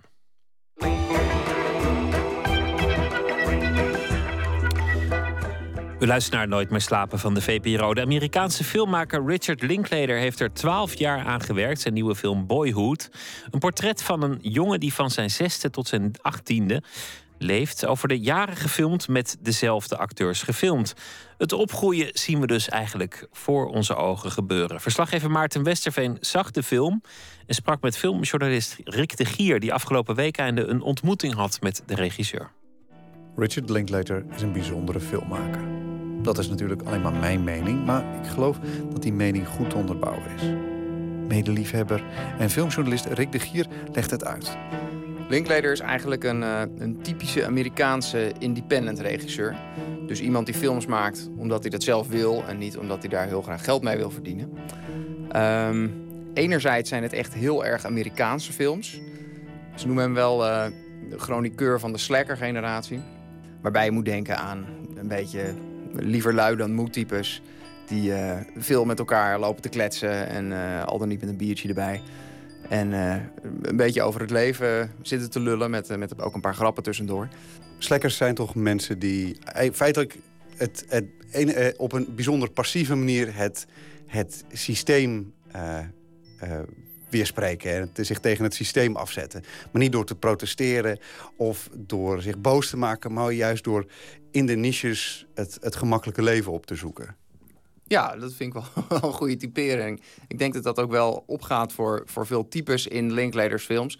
Eh, als we kijken naar de titels van zijn eerste films, dan... eh eens even kijken, hoe heette die? Nou ja, hij heeft zijn eerste film heette Slacker. Hij heeft een film gemaakt die heet Suburbia, eh Dazed and Confused. Dat zegt allemaal wel genoeg. Wat ik er zelf heel erg leuk aan vind. Enerzijds is het dus heel erg Amerikaans. Het speelt zich ook vaak af in zijn thuisstaat Texas. Anderzijds, ik heb eens een keer op internet een top 10 van zijn favoriete films gevonden. En dat waren allemaal Europeanen. En eh, dan heb je het over ook wel zware jongens als eh, Tarkovsky, ehm, Bergman, dat, dat soort types. Maar ik vind dat je dat er ook in terugziet. Eh en zeker eh, ja, op de manier waarop hij verhalen vertelt. Het zijn namelijk bijna geen verhalen. Het zijn meer karakterstudies. Ehm, nou ja, dat, dat zie je ook in die Europese films terug. Dus eh, ik, wat ik heel mooi vind, is die, die ultieme mix van, van heel erg Amerikaans, popcultuur, et cetera. Met toch een soort ja, Europese diepgang, zeg maar. Wat identificeer je jezelf als een slacker? Dat is een, eh, een persoonlijke vraag. Eens even denken. Nou, ik, ik weet niet. Ik, ik geloof, ik, ja, ik, ik ben niet zo lui meer of zo. Ik ben wel als student een ergens lekker geweest. Maar ik geloof dat. Maar ik, ik hou wel van het, van het type. Ik herken het type wel. Ik bedoel, ik ben opgegroeid in de jaren negentig. En eh, ja, dat is wel het ultieme slekker tijdperk volgens mij. So, um, did you vote in the most recent election? Hell no. We got less important things to do. What do you do to earn a living? You mean work? To hell with the kind of work you have to do to earn a living. All it does is fill the bellies of the pigs who exploit us. Hey, look at me. I'm making it. I may live badly, but at least I don't have to work to do it. Anything else you want to know? Yeah, there's something else. To all you workers out there, every single commodity you produce is a piece of your own death. What was your relationship like? Veel van Linklaters films omspannen een dag. Zijn Before films, Before Sunrise, Before Sunset en Before Midnight beschrijven een dag in het leven van twee geliefden. Deze opzet ligt Linklater. Want in een dag kan veel gebeuren, maar niet alles. Er is altijd een gisteren en er is altijd een morgen. Een verhaal is nooit af. En daarom concentreert hij zich op zijn personen in de film in plaats van een mooi afgerond plot. Nu is er Boyhood, Linklaters meest ambitieuze film. In de film staat de jonge Mason centraal. Oh, look what I found in the street. Dude. I know, right? Look at those. Mm, look at those. Elk jaar eh, heeft hij zich eh, teruggetrokken met een paar acteurs een paar weken lang. En hebben ze een episode uit de film opgenomen. En het is, je zou kunnen zeggen, de ultieme coming-of-age film. Want de hoofdpersoon is eh, aan het begin een jongetje van zes of zeven. En aan het eind gaat hij studeren. Dus eh, ja, we volgen echt zijn hele, zijn hele boyhood. Ik heb die film gisteren gezien. Jij ook. Nou ja, het is, ik, ik moet er echt voor passen om nu je woorden in de mond te leggen. Maar wat vond je er zelf van? Ja, ik vond hem geweldig. Ik, ik heb hem gisteren voor de tweede keer gezien, want ik heb hem eh, eerder gezien in Berlijn bij het filmfestival. Hij heeft toen nog wekenlang door mijn hoofd gespookt. En ik, eh, hij viel me gisteren voor de tweede keer gelukkig weer niet tegen. Ik denk wat hij bij mij heel erg deed, is dat je heel erg gaat reflecteren op je eigen jeugd. Eh, ik heb zelf kinderen, dus je gaat, je gaat denken aan, hun jeugd en wat, zij, wat hun nog eh, de komende jaren voor te kiezen krijgen. Ehm, en ik denk dat dat vooral komt omdat Linklater niet de hele grote momenten laat zien, zoals je dat vaak in Hollywoodfilms ziet. Je zou denken met zo'n concept, nou dan krijg je natuurlijk zijn eerste kus en zijn eerste keer dat. En, en dat, dat doet hij niet. Hij laat juist de momenten zien die, eh, als je terugdenkt aan je eigen jeugd, zijn het ook niet de grote momenten, zijn het vaak kleine herinneringen. En deze film zit ook vol met van die kleine momenten. Hij, ehm, telkens, wat ik zo mooi vind, is dat hij, eh, hij, hij, hij- Op een bepaalde manier zet hij op het verkeerde been. Want telkens eh, gebeuren er dingen, of tenminste, er gebeuren dingen in het leven van die jongen. Hij groeit op hè, met, zijn, eh, met zijn moeder en zijn zusje. Vader eh, is, eh, is wat meer op, op een afstand. En zijn moeder door de jaren heen maakt nog wel een paar nou ja, minder succesvolle keuzes wat mannen betreft. Maar we zien die jongen telkens groeien en af en toe overkomt hem wat. Jongens die hem pesten bijvoorbeeld, of een meisje dat hij leuk vindt. En dan denk je telkens, nu gaat er wat gebeuren. Nu, nu, zullen we, hè, nu, gaat er, nu gaat er een soort verhaal komen in dat leven dat we zien. En dan telkens dan kiest hij voor om, het niet, om dat niet zo te laten zijn. Telkens gaat dat moment ook weer weg. En dan gaat het leven ook maar weer door. Voel jij je ook zo op het verkeerde been gezet? Ja, je merkt daar denk ik door hoezeer je geconditioneerd bent, door Hollywoodfilms ook. Inderdaad, zo'n moment dat jij noemt, eh, hij loopt de, de wc binnen op school en, en er staat er een bully die hem een duw geeft. En dan denk je, nou, die, eh, daar krijgt hij vaker last van. Nou ja, dit jochie komt nog één keer terug en dan staat hij er bier mee te drinken. Dus het, het loopt heel vaak met een sisser af. Sommige dingen komen zelfs helemaal niet terug, wat ik ook heel sterk vind op een gegeven moment. ehm, eh, ja, heeft, die, eh, heeft zijn moeder een, een nieuwe man. En dan heeft hij ook een stiefbroertje en zusje. Op een gegeven moment gaan ze daar weg. En die, die komen gewoon nooit meer terug. Die zie je niet meer terug. En ik vind dat heel erg levensecht. Ja, dat waardeer ik er heel erg aan. Dat is. ehm, eh, wat, het is inderdaad. Nou ja, het, het, klinkt ook, het klinkt een beetje clichématig, maar het is, ehm, het is echt al uit het leven gegrepen. Je, eh, de dingen gaan voorbij. En om die jongen dan te zien opgroeien, ik vond het heel. Ik vond het heel intiem eigenlijk. Om opeens toch dat jochie, want we beginnen met een klein, wat eh lichtpappig ventje.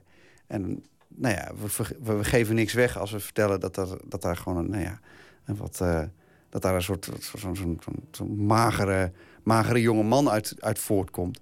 Maar het voelde heel intiem om die jongen te zien opgroeien. Ja, en ik vind het ook heel mooi eh, om te zien wat voor type hij wordt. Want we zeggen wel, daar zit geen verhaal in. En het is natuurlijk in zekere zin zo, althans geen conventioneel eh, filmplot. Maar ja, het verhaal is gewoon, hij groeit op. En de vraag die daar eh, steeds bij wordt gesteld impliciet is... wat voor jongen wordt dit en wat voor man wordt dit? En dat vind ik heel mooi, dat je steeds meer heel subtiel ziet... dat hij eigen keuzes begint te maken. Dat hij op een gegeven moment... eh, nou, hij, hij, eh, hij krijgt een fototoestel en hij vindt het mooi om, om foto's te maken. Dus hij kiest echt voor het artistieke. En intussen zijn er heel veel vaderfiguren in zijn leven. Geen, geen echte vader die er steeds is, maar wel heel veel vadertypes. En hij krijgt de ene preek na de andere preek over zich heen. Wat ook eh, heel veel humoristische momenten oplevert trouwens. Ehm, en je, je krijgt het idee dat hij, eh, waar hij niks mee kan, gooit hij weg. En die kleine stukjes wijsheid, die neemt hij mee. En, en die neemt hij mee terwijl hij een man wordt.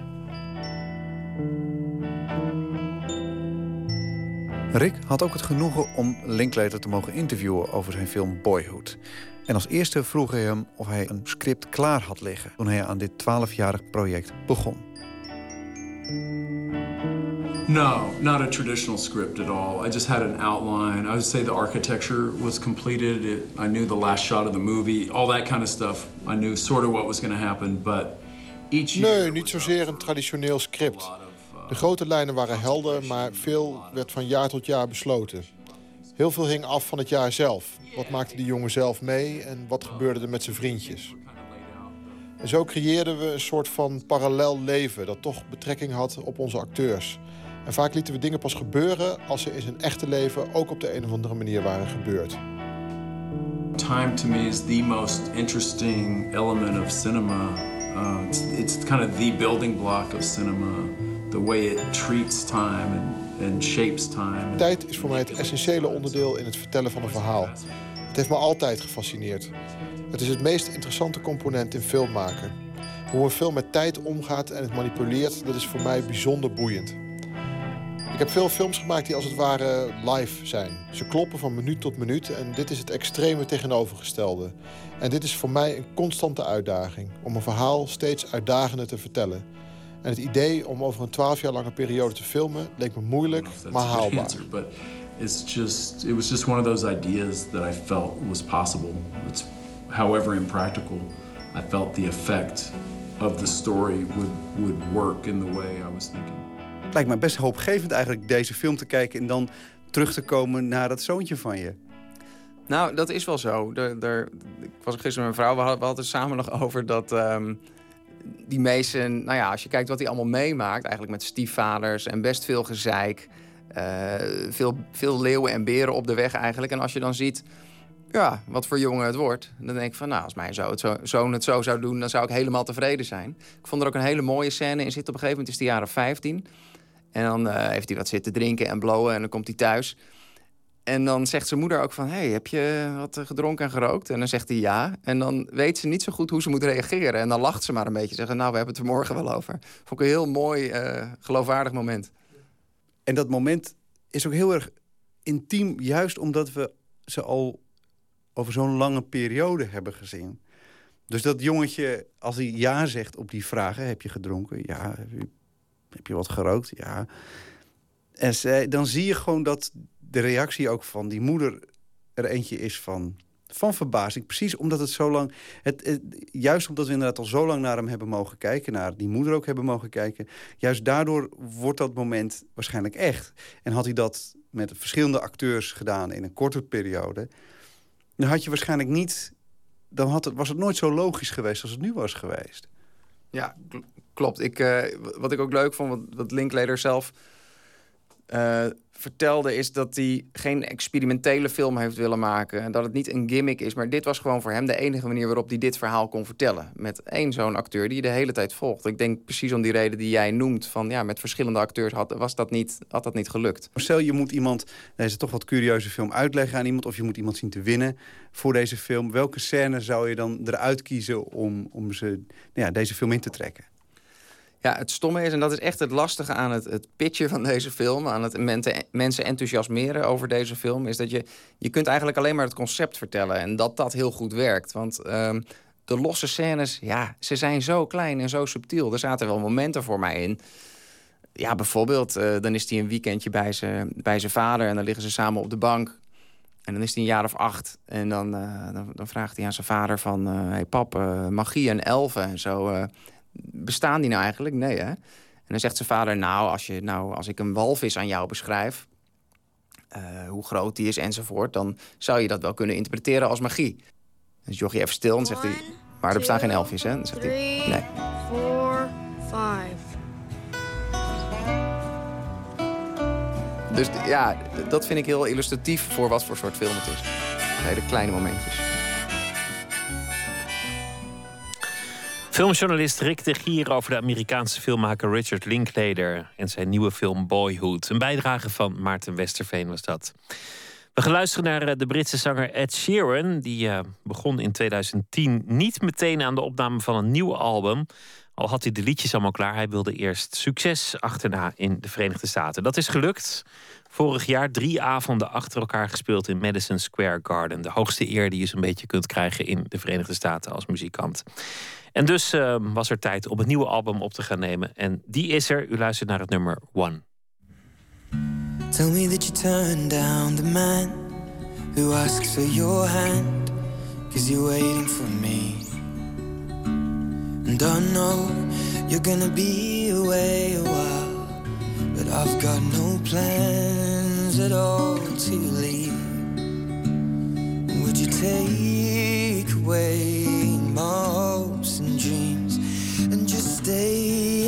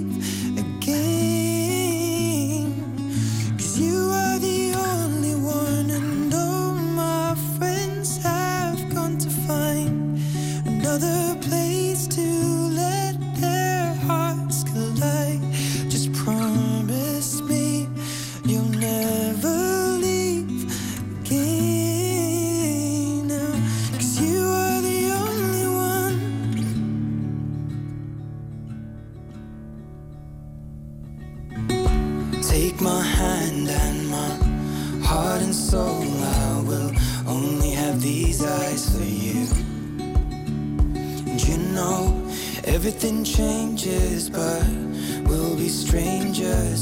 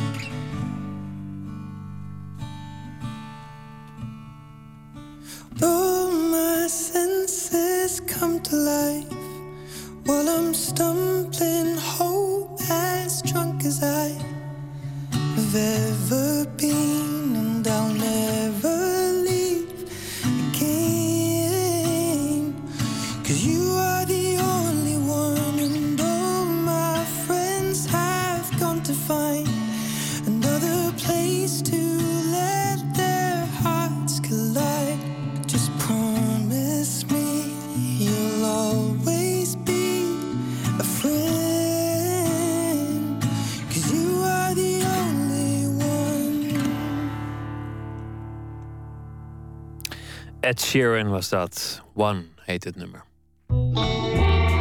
Nooit meer slapen.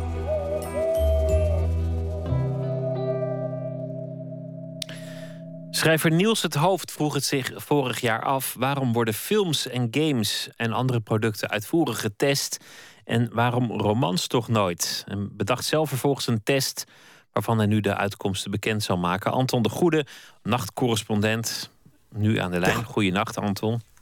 Goeienacht, Pieter. Leg eerst even die gedachte uit, want, want ik begrijp hem maar half eigenlijk.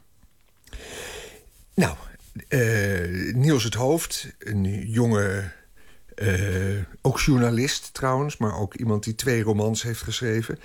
Die vroeg zich af toen de derde bijna in de boekhandel lag: van ja, eh, waarom wordt dat eigenlijk niet getest zoals games worden getest? Games is een beetje zijn terrein. Hij schrijft over games in NRC Handelsblad, die bespreekt hij. En daar wordt dus eindeloos getest. En ook bij films realiseerde hij zich van wat werkt wel, wat werkt niet. Eh, moet je lange dialogen hebben? Hoe krijg je spanning? En hoe wordt dat door eh, de consument ervaren? Ehm, hij heeft er een stuk over geschreven vorig jaar in NRC Handelsblad. En daarin ook opgeroepen om aspirant-testers, zeg, het maar, zeg maar, eh, te krijgen die van hem een boek kregen en die dat binnen een maand konden lezen en een online enquête moesten invullen. Geïnspireerd op wat filmmakers aan hun testpubliek vragen. Dus maar maar het is. eh, ik heb dat zelf ook wel eens gedaan voor een schrijver. Die, die, die vroeg: Wil jij bij een roman in een vroege fase eh, lezen en van commentaar voorzien? En, en dan had dan een panel van drie, vier meelezers die dan wijze dingen erover zeiden. En dat kon eventueel wel en niet worden meegenomen. Dus volgens mij doen de meeste schrijvers dat zo. Meelezers heb je wel, maar echt een soort consumentenonderzoek. ehm, dat is veel zeldzamer. Eh, ik weet ook niet, jij, suggereert nu van ja, leidt dat eigenlijk wel tot iets? Dat weet ik ook niet. Ik vond het wel een hele originele gedachte. En eh, bij, zeker als je realiseert dat bij nogal wat literaire uitgeverijen mensen met de handen in het haar zitten van er moet iets gebeuren. Eh, en misschien heeft deze het hoofd toch wel iets van een antwoord. Een achterliggende gedachte bij deze Niels was...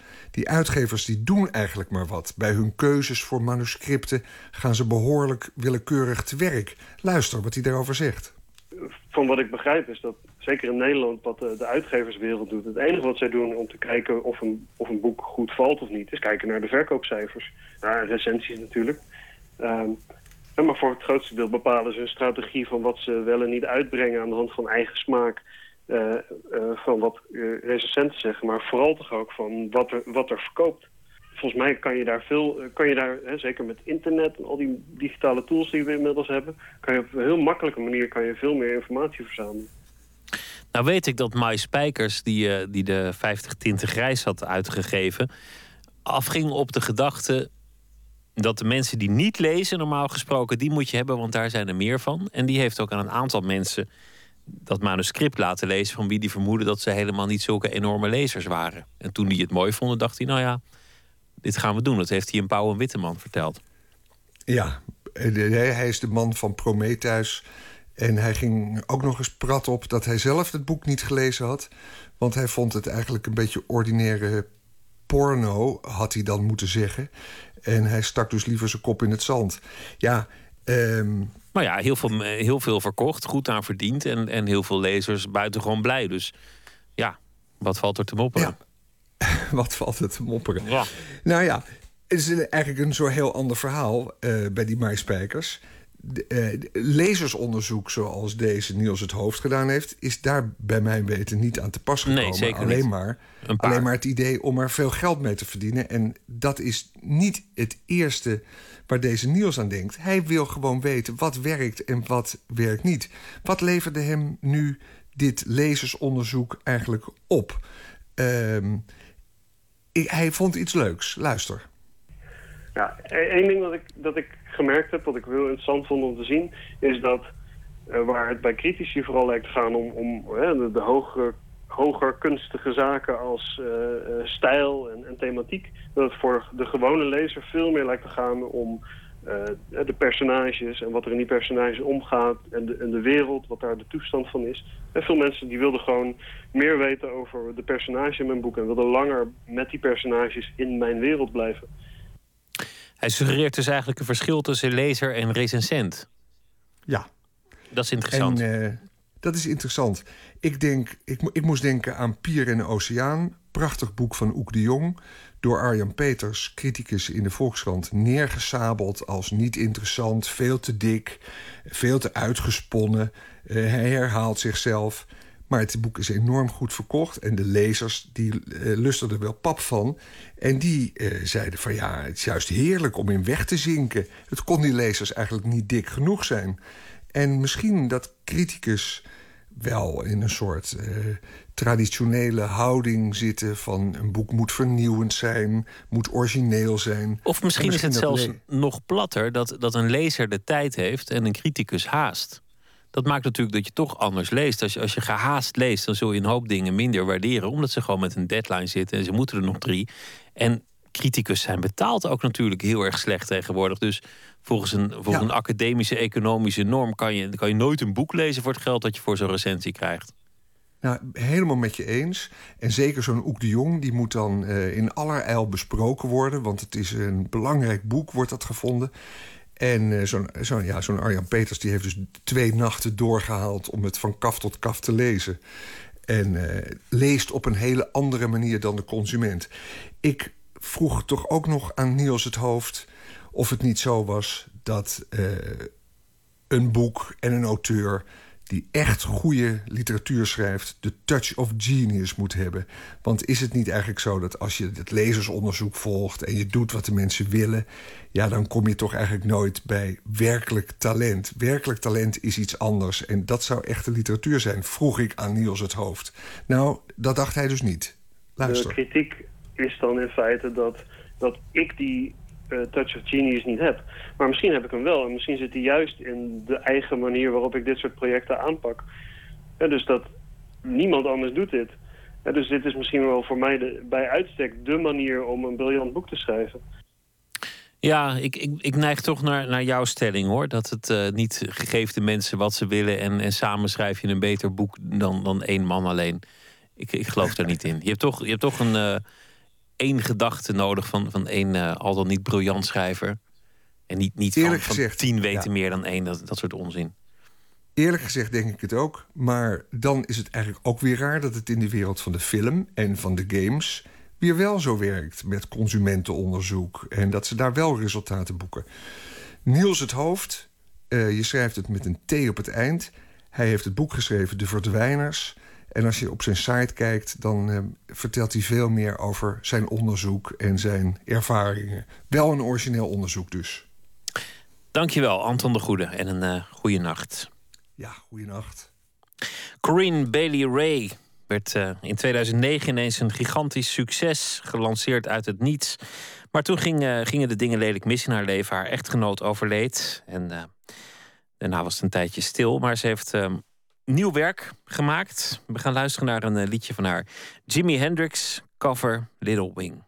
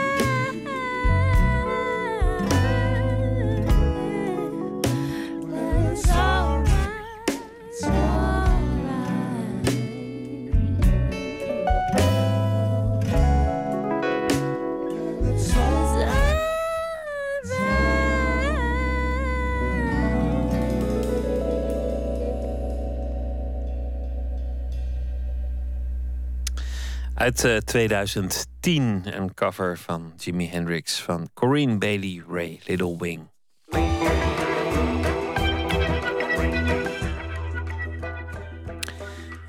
U luistert naar de VPRO en we gaan eh, van soulmuziek naar rap. B-Fake, twee rappers uit de Zuid-Afrikaanse Cape Flats. Een van de meest gewelddadige buurten ter wereld. Ze leiden al daar een dolend bestaan. Totdat ze ineens vorig jaar DJ DNA tegenkwamen. Dat is Arjen de Vrede van Urban Dance Squad. De samenwerking die daaruit volgde leidde tot een internationale tour als support act van de Zuid-Afrikaanse rapper Jack Parrow.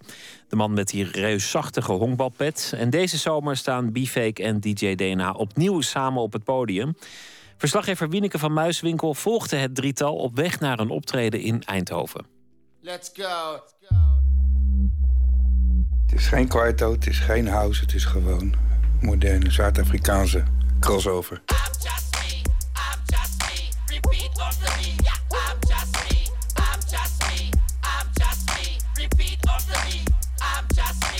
Dit is het verhaal over twee muizen die in Zuid-Afrika op straat leefden, tussen de ratten. En werden gevonden door een Nederlandse discjockey. Hij nam ze onder zijn vleugels mee naar Nederland om ze hier hun muzikale kunsten aan het publiek te laten tonen. De muizenvanger in dit verhaal is Arjen de Vrede, beter bekend als DJ DNA. Eind jaren 80 was hij een van de oprichters van de Urban Dance Squad, een van Nederlands meest succesvolle bands uit de jaren 90. Een scratchende DJ als muzikant in een band was nog nooit eerder vertoond. De muizen heten Pinky en Dat Bruin. Ze tatoeëerden twee dagen voor hun vertrek naar Nederland de tekst Take over the world op hun onderarmen. Wie zijn die jongens eigenlijk? Het zijn halfbroers en de ene is bruin en de ander blank. En ze zijn super grappig met z'n tweeën. Ze noemen zich Pinky en de Bruin, omdat Pinky altijd roze werd, de blanke in de zon. En de bruin die was natuurlijk de bruin. Eh, dit is ook een beetje naar de tekenfilm eh, en de strip van eh, Pinky en de Bruin. Dat zijn twee muizen. Zij zien zichzelf ook als twee muizen. En ze opereren vanuit Kaapstad. En de muizen gaan de wereld overnemen. En ze hebben het niet eh, in hun bandnaam. Ze heten B-Fake. Dat doen ze, zeggen ze, is ja, hun, hun levensinstelling. Want uiteindelijk alles wat iedereen op zichzelf, over zichzelf op het internet zet... is niet echt. Het is wat je graag wil zijn. En heb je idee dat je uit Johannesburg komt? Doe alsof je uit Frankrijk komt. Eh, voel je je blank? Echt black. Nou, doe hem zwart. En zo, ze zeggen, je moet alles omdraaien. Gewoon altijd alles omdraaien. En dan kom je er wel. Het is een, een, een, een soort positivisme, vind ik. Maakt niet uit wat er gebeurt. Ze hebben gewoon overal de grootste lol in. Ze zien op een soort meta-manier de humor van de, van de wereld in. En een soort metavisie. En dat zit ook in die teksten. Die teksten zijn ook echt allemaal eh, heel, heel erg meerlagig en geniaal eigenlijk. Eh, de de teksten en de andere broer eh, Pinky die maakt de, de muziek. I'm a fake agent, fake like fragrance. The shift is the flavor and it's shitter than a vagrant. Sleeping on shit cause it's softer than a pavement. I sold my soul like a shoe salesman. And sold the box like an estate agent. Why? Cause I'm a fake agent. En die fake die, die prediken hun, eh, hun geloof zo hard en met zoveel overtuiging. En zoveel kracht dat het eigenlijk heel echt is. En ze gaan als beesten los op een podium, toch? Ja, ze gaan. Ja, het is, eh, de, en, en mensen die kunnen hun ogen er niet van afhouden. Gewoon van het moment dat ze beginnen, dat ze binnenkomen, dan, dan zie je ze al eh, glimlachen van wat een afketels. Als het nou gaat dan springen, twee van die springkanen, dan over elkaar heen met een afro's. En een, uh, een pakjes aan, want ze hebben ook nog eens zeer, zeer frivole one-suits. Ofwel wat ze ook wel een Roy Donders pakjes noemen, begrijp ik. Ik ken heel die Roy Donders niet. Het schijnt dat ik ook vooral niet moet proberen die te leren kennen. Maar, maar in ieder geval, het is, het, visueel is het gewoon ook een verschrikkelijk uh, attractief uh, gebeuren. Ja. Echt, en, ja, textueel, muzikaal, visueel. And sold the box like an estate agent. Why? Cause I'm a fake agent. Pink en de Bruin zijn hier en ze logeren bij jou thuis. Mhm. Jij hebt de tickets voor ze betaald. Nou, eh, Petra, moet ik zeggen. Jouw vrouw. Ja. En, eh, maar waarom doe je dat eigenlijk? Nou, omdat het gewoon is zo'n vette muziek is. En het is ook liefde voor, eh, voor die jongens. Kijk, we hebben gewoon een zwak voor ze. En we vinden ook gewoon dat, dat als die, iemand zo'n energie neerlegt en zo verschrikkelijk goed speelt, de kans moet krijgen om het hier gewoon te laten zien. En het geeft hun natuurlijk ook een heleboel input in, op een heleboel manieren. Ze zijn hier in de studio. Eh, de, techniek en de analoge techniek en eh, het verkennen. Ze slapen gewoon om de beurt s'nachts in de studio. Mijn studio is nog nooit zoveel gebruikt geweest. Gewoon 24 uur per dag is er, eh, wordt er gewerkt. Als ik niet zit, zitten zij er. En, en, en dit soort mensen. Ze werken gewoon door en ze, ze nemen iedere keer weer op. En ze, of dan zitten ze wel te editen of te knippen of te mixen. Maar ze laten geen minuut onbenut. En dat vind ik eigenlijk ook wel eh, heel fijn om te zien. Af en toe eh, mis ik dat wel in Nederland bij muzikanten. Die gretigheid, zeg maar. Ze zie je allemaal een beetje van, eh, het zal wel. Pinky keep the laptop. Laptop laten vallen. It was gravity's fault. Gravity, I was just holding the device. If gravity wasn't there, it would have never fallen. That was very scary. Do, do, do, uh, do the... Ik denk dat het beter is als jullie gewoon naar Eindhoven gaan. En dat wij samen eventjes het ommetje maken. Ja, Want we hebben het al eerder gereden. Is het goed voor jou? Ja? Dat is ook. Die fake treedt sinds hun aankomst in mei wekelijks op. Wat begon als een korte tour in het voorprogramma van Jack Barrow, de beroemde Zuid-Afrikaanse rapper met de extreme lange petten, is binnen vier weken veranderd in een lange speellijst. Van Vera in Groningen tot de Melkweg in Amsterdam, Oerol op Texel en DB's in Utrecht. Ieder optreden levert minstens één nieuw optreden op. En dat is ongekend. Vandaag is de bestemming Eindhoven. Een optreden bij het beukorkest van Rick van Iersel in Tak. Een oude bekende van Arjen. Sorry guys, do you have Wi-Fi? You, like someone give you a lift on their bike, you're like, yo, do your bike have Wi-Fi? If I take your girlfriend out on a date, does she have Wi-Fi? Does a vagina have Wi-Fi? Because my dick's quite attracted to it. Zelfs het ontbreken van wifi in de auto levert een instant cabaret sketch op. It feels like your girlfriend has Wi-Fi in the vagina. Wi-Fi vagina. Wi-Fi. You're just like, this guy's like, why are you stalking my girlfriend? Like, I'm not. A vagina has Wi-Fi. There. We'll Eindhoven. Eindhoven. Eindhoven. Hoi, ik ben Vincent. Hi, Pinky. Hoi Pinky. Nice to meet you. Nice to meet you. Alex. Ik heb eh parkeerplaats voor jullie vrijgehouden, achter bij de roldeur. Dat is ook vlak bij het podium. Super. Dus kan je auto neerzetten, dat is ook dicht bij, de, bij het podium. Ja. Hier is één zaal, maar anders is gewoon maar niet die grote zaal.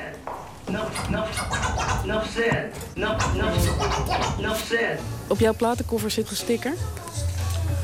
Dat klopt, ja. Dat zit op de, platenkoffer die ik eigenlijk het langst altijd heb gehad. Een hele stevige tape eh, koffer, een computertape koffer van de PTT. Dat heb ik eind jaren 80. Ja, heb ik een sticker uh, apartheid eh, opgeplakt. En dat was ook echt nodig. En ik weet nog dat de mensen toen eh hoofdschuddend soms erop eh, op reageerden van ja, that'll be the day, it's never gonna happen. Dat gebeurt gewoon niet. Dat was afgelopen winter in Kaapstad. Was het daar zomer, maar nog steeds met die sticker erop helemaal versleten. Je moet het wel zien, maar ja, het, het is helemaal af. Het is daar echt een beetje voorbij. Dus ik, dacht misschien reageerde iemand, maar er reageerde eigenlijk helemaal niemand op. Dus, Het zal wel, weet verleden tijd. Doei. Apartheid is al vergeten. Eh, ik denk niet dat het vergeten is, maar dat, ik denk dat ze eh, die les wel, eh, wel geleerd hebben. En dat ze zich nu willen focussen op, positieve dingen voor de toekomst van Zuid-Afrika. En, en je kan wel een hele tijd gaan nasparen en je dus medelijden hebben met je eigen verleden. Maar het is gewoon niet de karakter van het volk. Ze zijn echt, ze zijn echt doorpakkers. I like them. Effectieve sticker. Sorry? Effectieve sticker. Geweest. Ja, ja, ja, ja. Kleine bijdrage. Alle beetjes overgeven. Oké. Okay. Excuse me, could I have your attention? I know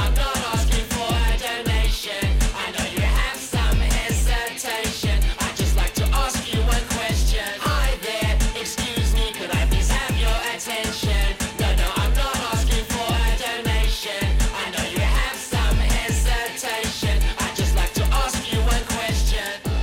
We got taken like out of the gutter as Pinky and Pinky and the Brain, like DNA came past with his rat cage. De Bruin vertelt over hun ontmoeting met Arjen, die hen als ratten uit de goot heeft opgepikt en nu op het Nederlandse publiek loslaat. And he was like, look at this cute rats. Like, let's put him in the cage and take him to Holland and unleash them on the people. Like, Hij laat ze dansen met de grote jongens, de dikke vette katten.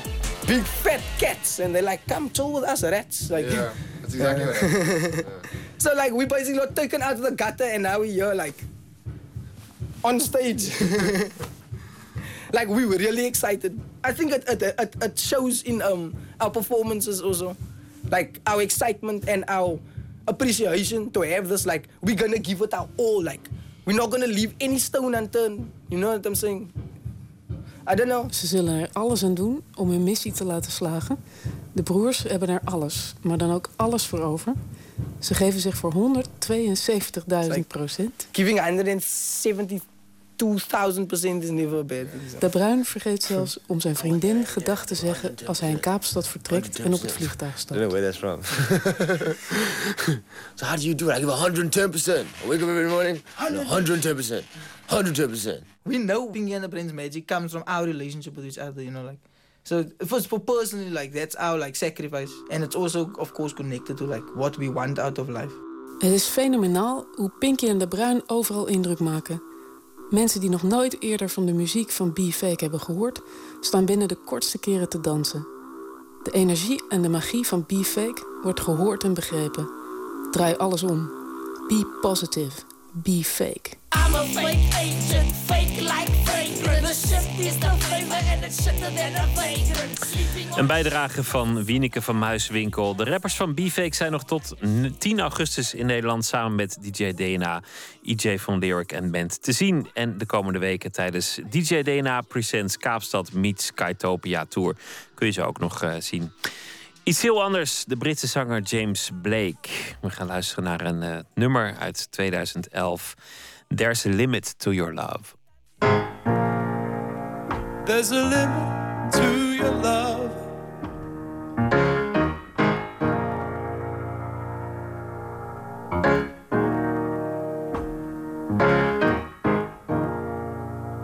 Like a waterfall in slow motion.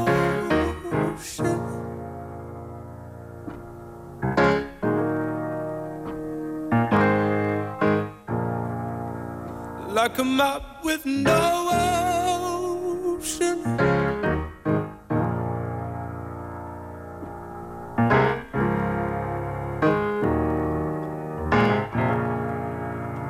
a limit to your love, your love, your love, your love.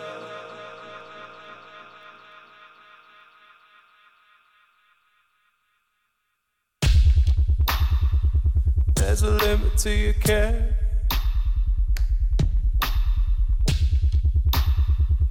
So carelessly there. Is it truth or dare? There's a limit to your care. There's a limit to your love. Like a waterfall in slow motion. Like a map with no ocean. There's a limit to your love. Your love, your love, your love. There's a limit to your care.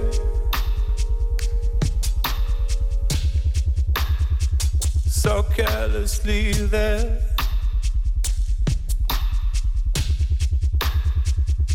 Is it truth dare?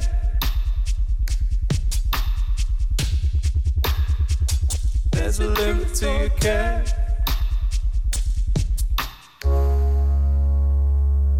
There's a limit to your care. So carelessly there. There's a limit to your care.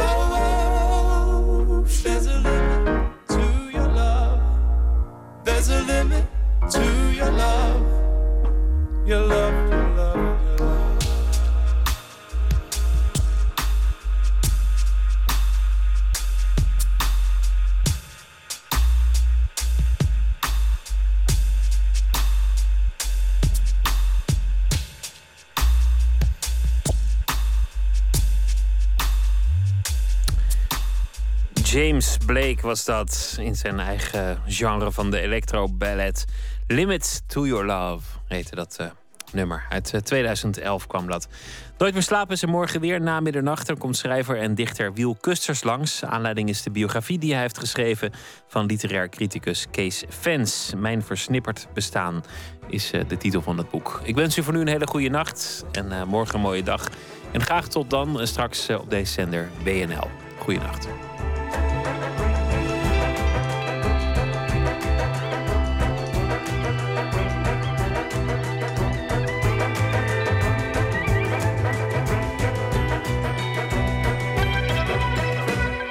Op Radio 1, het nieuws van alle kanten.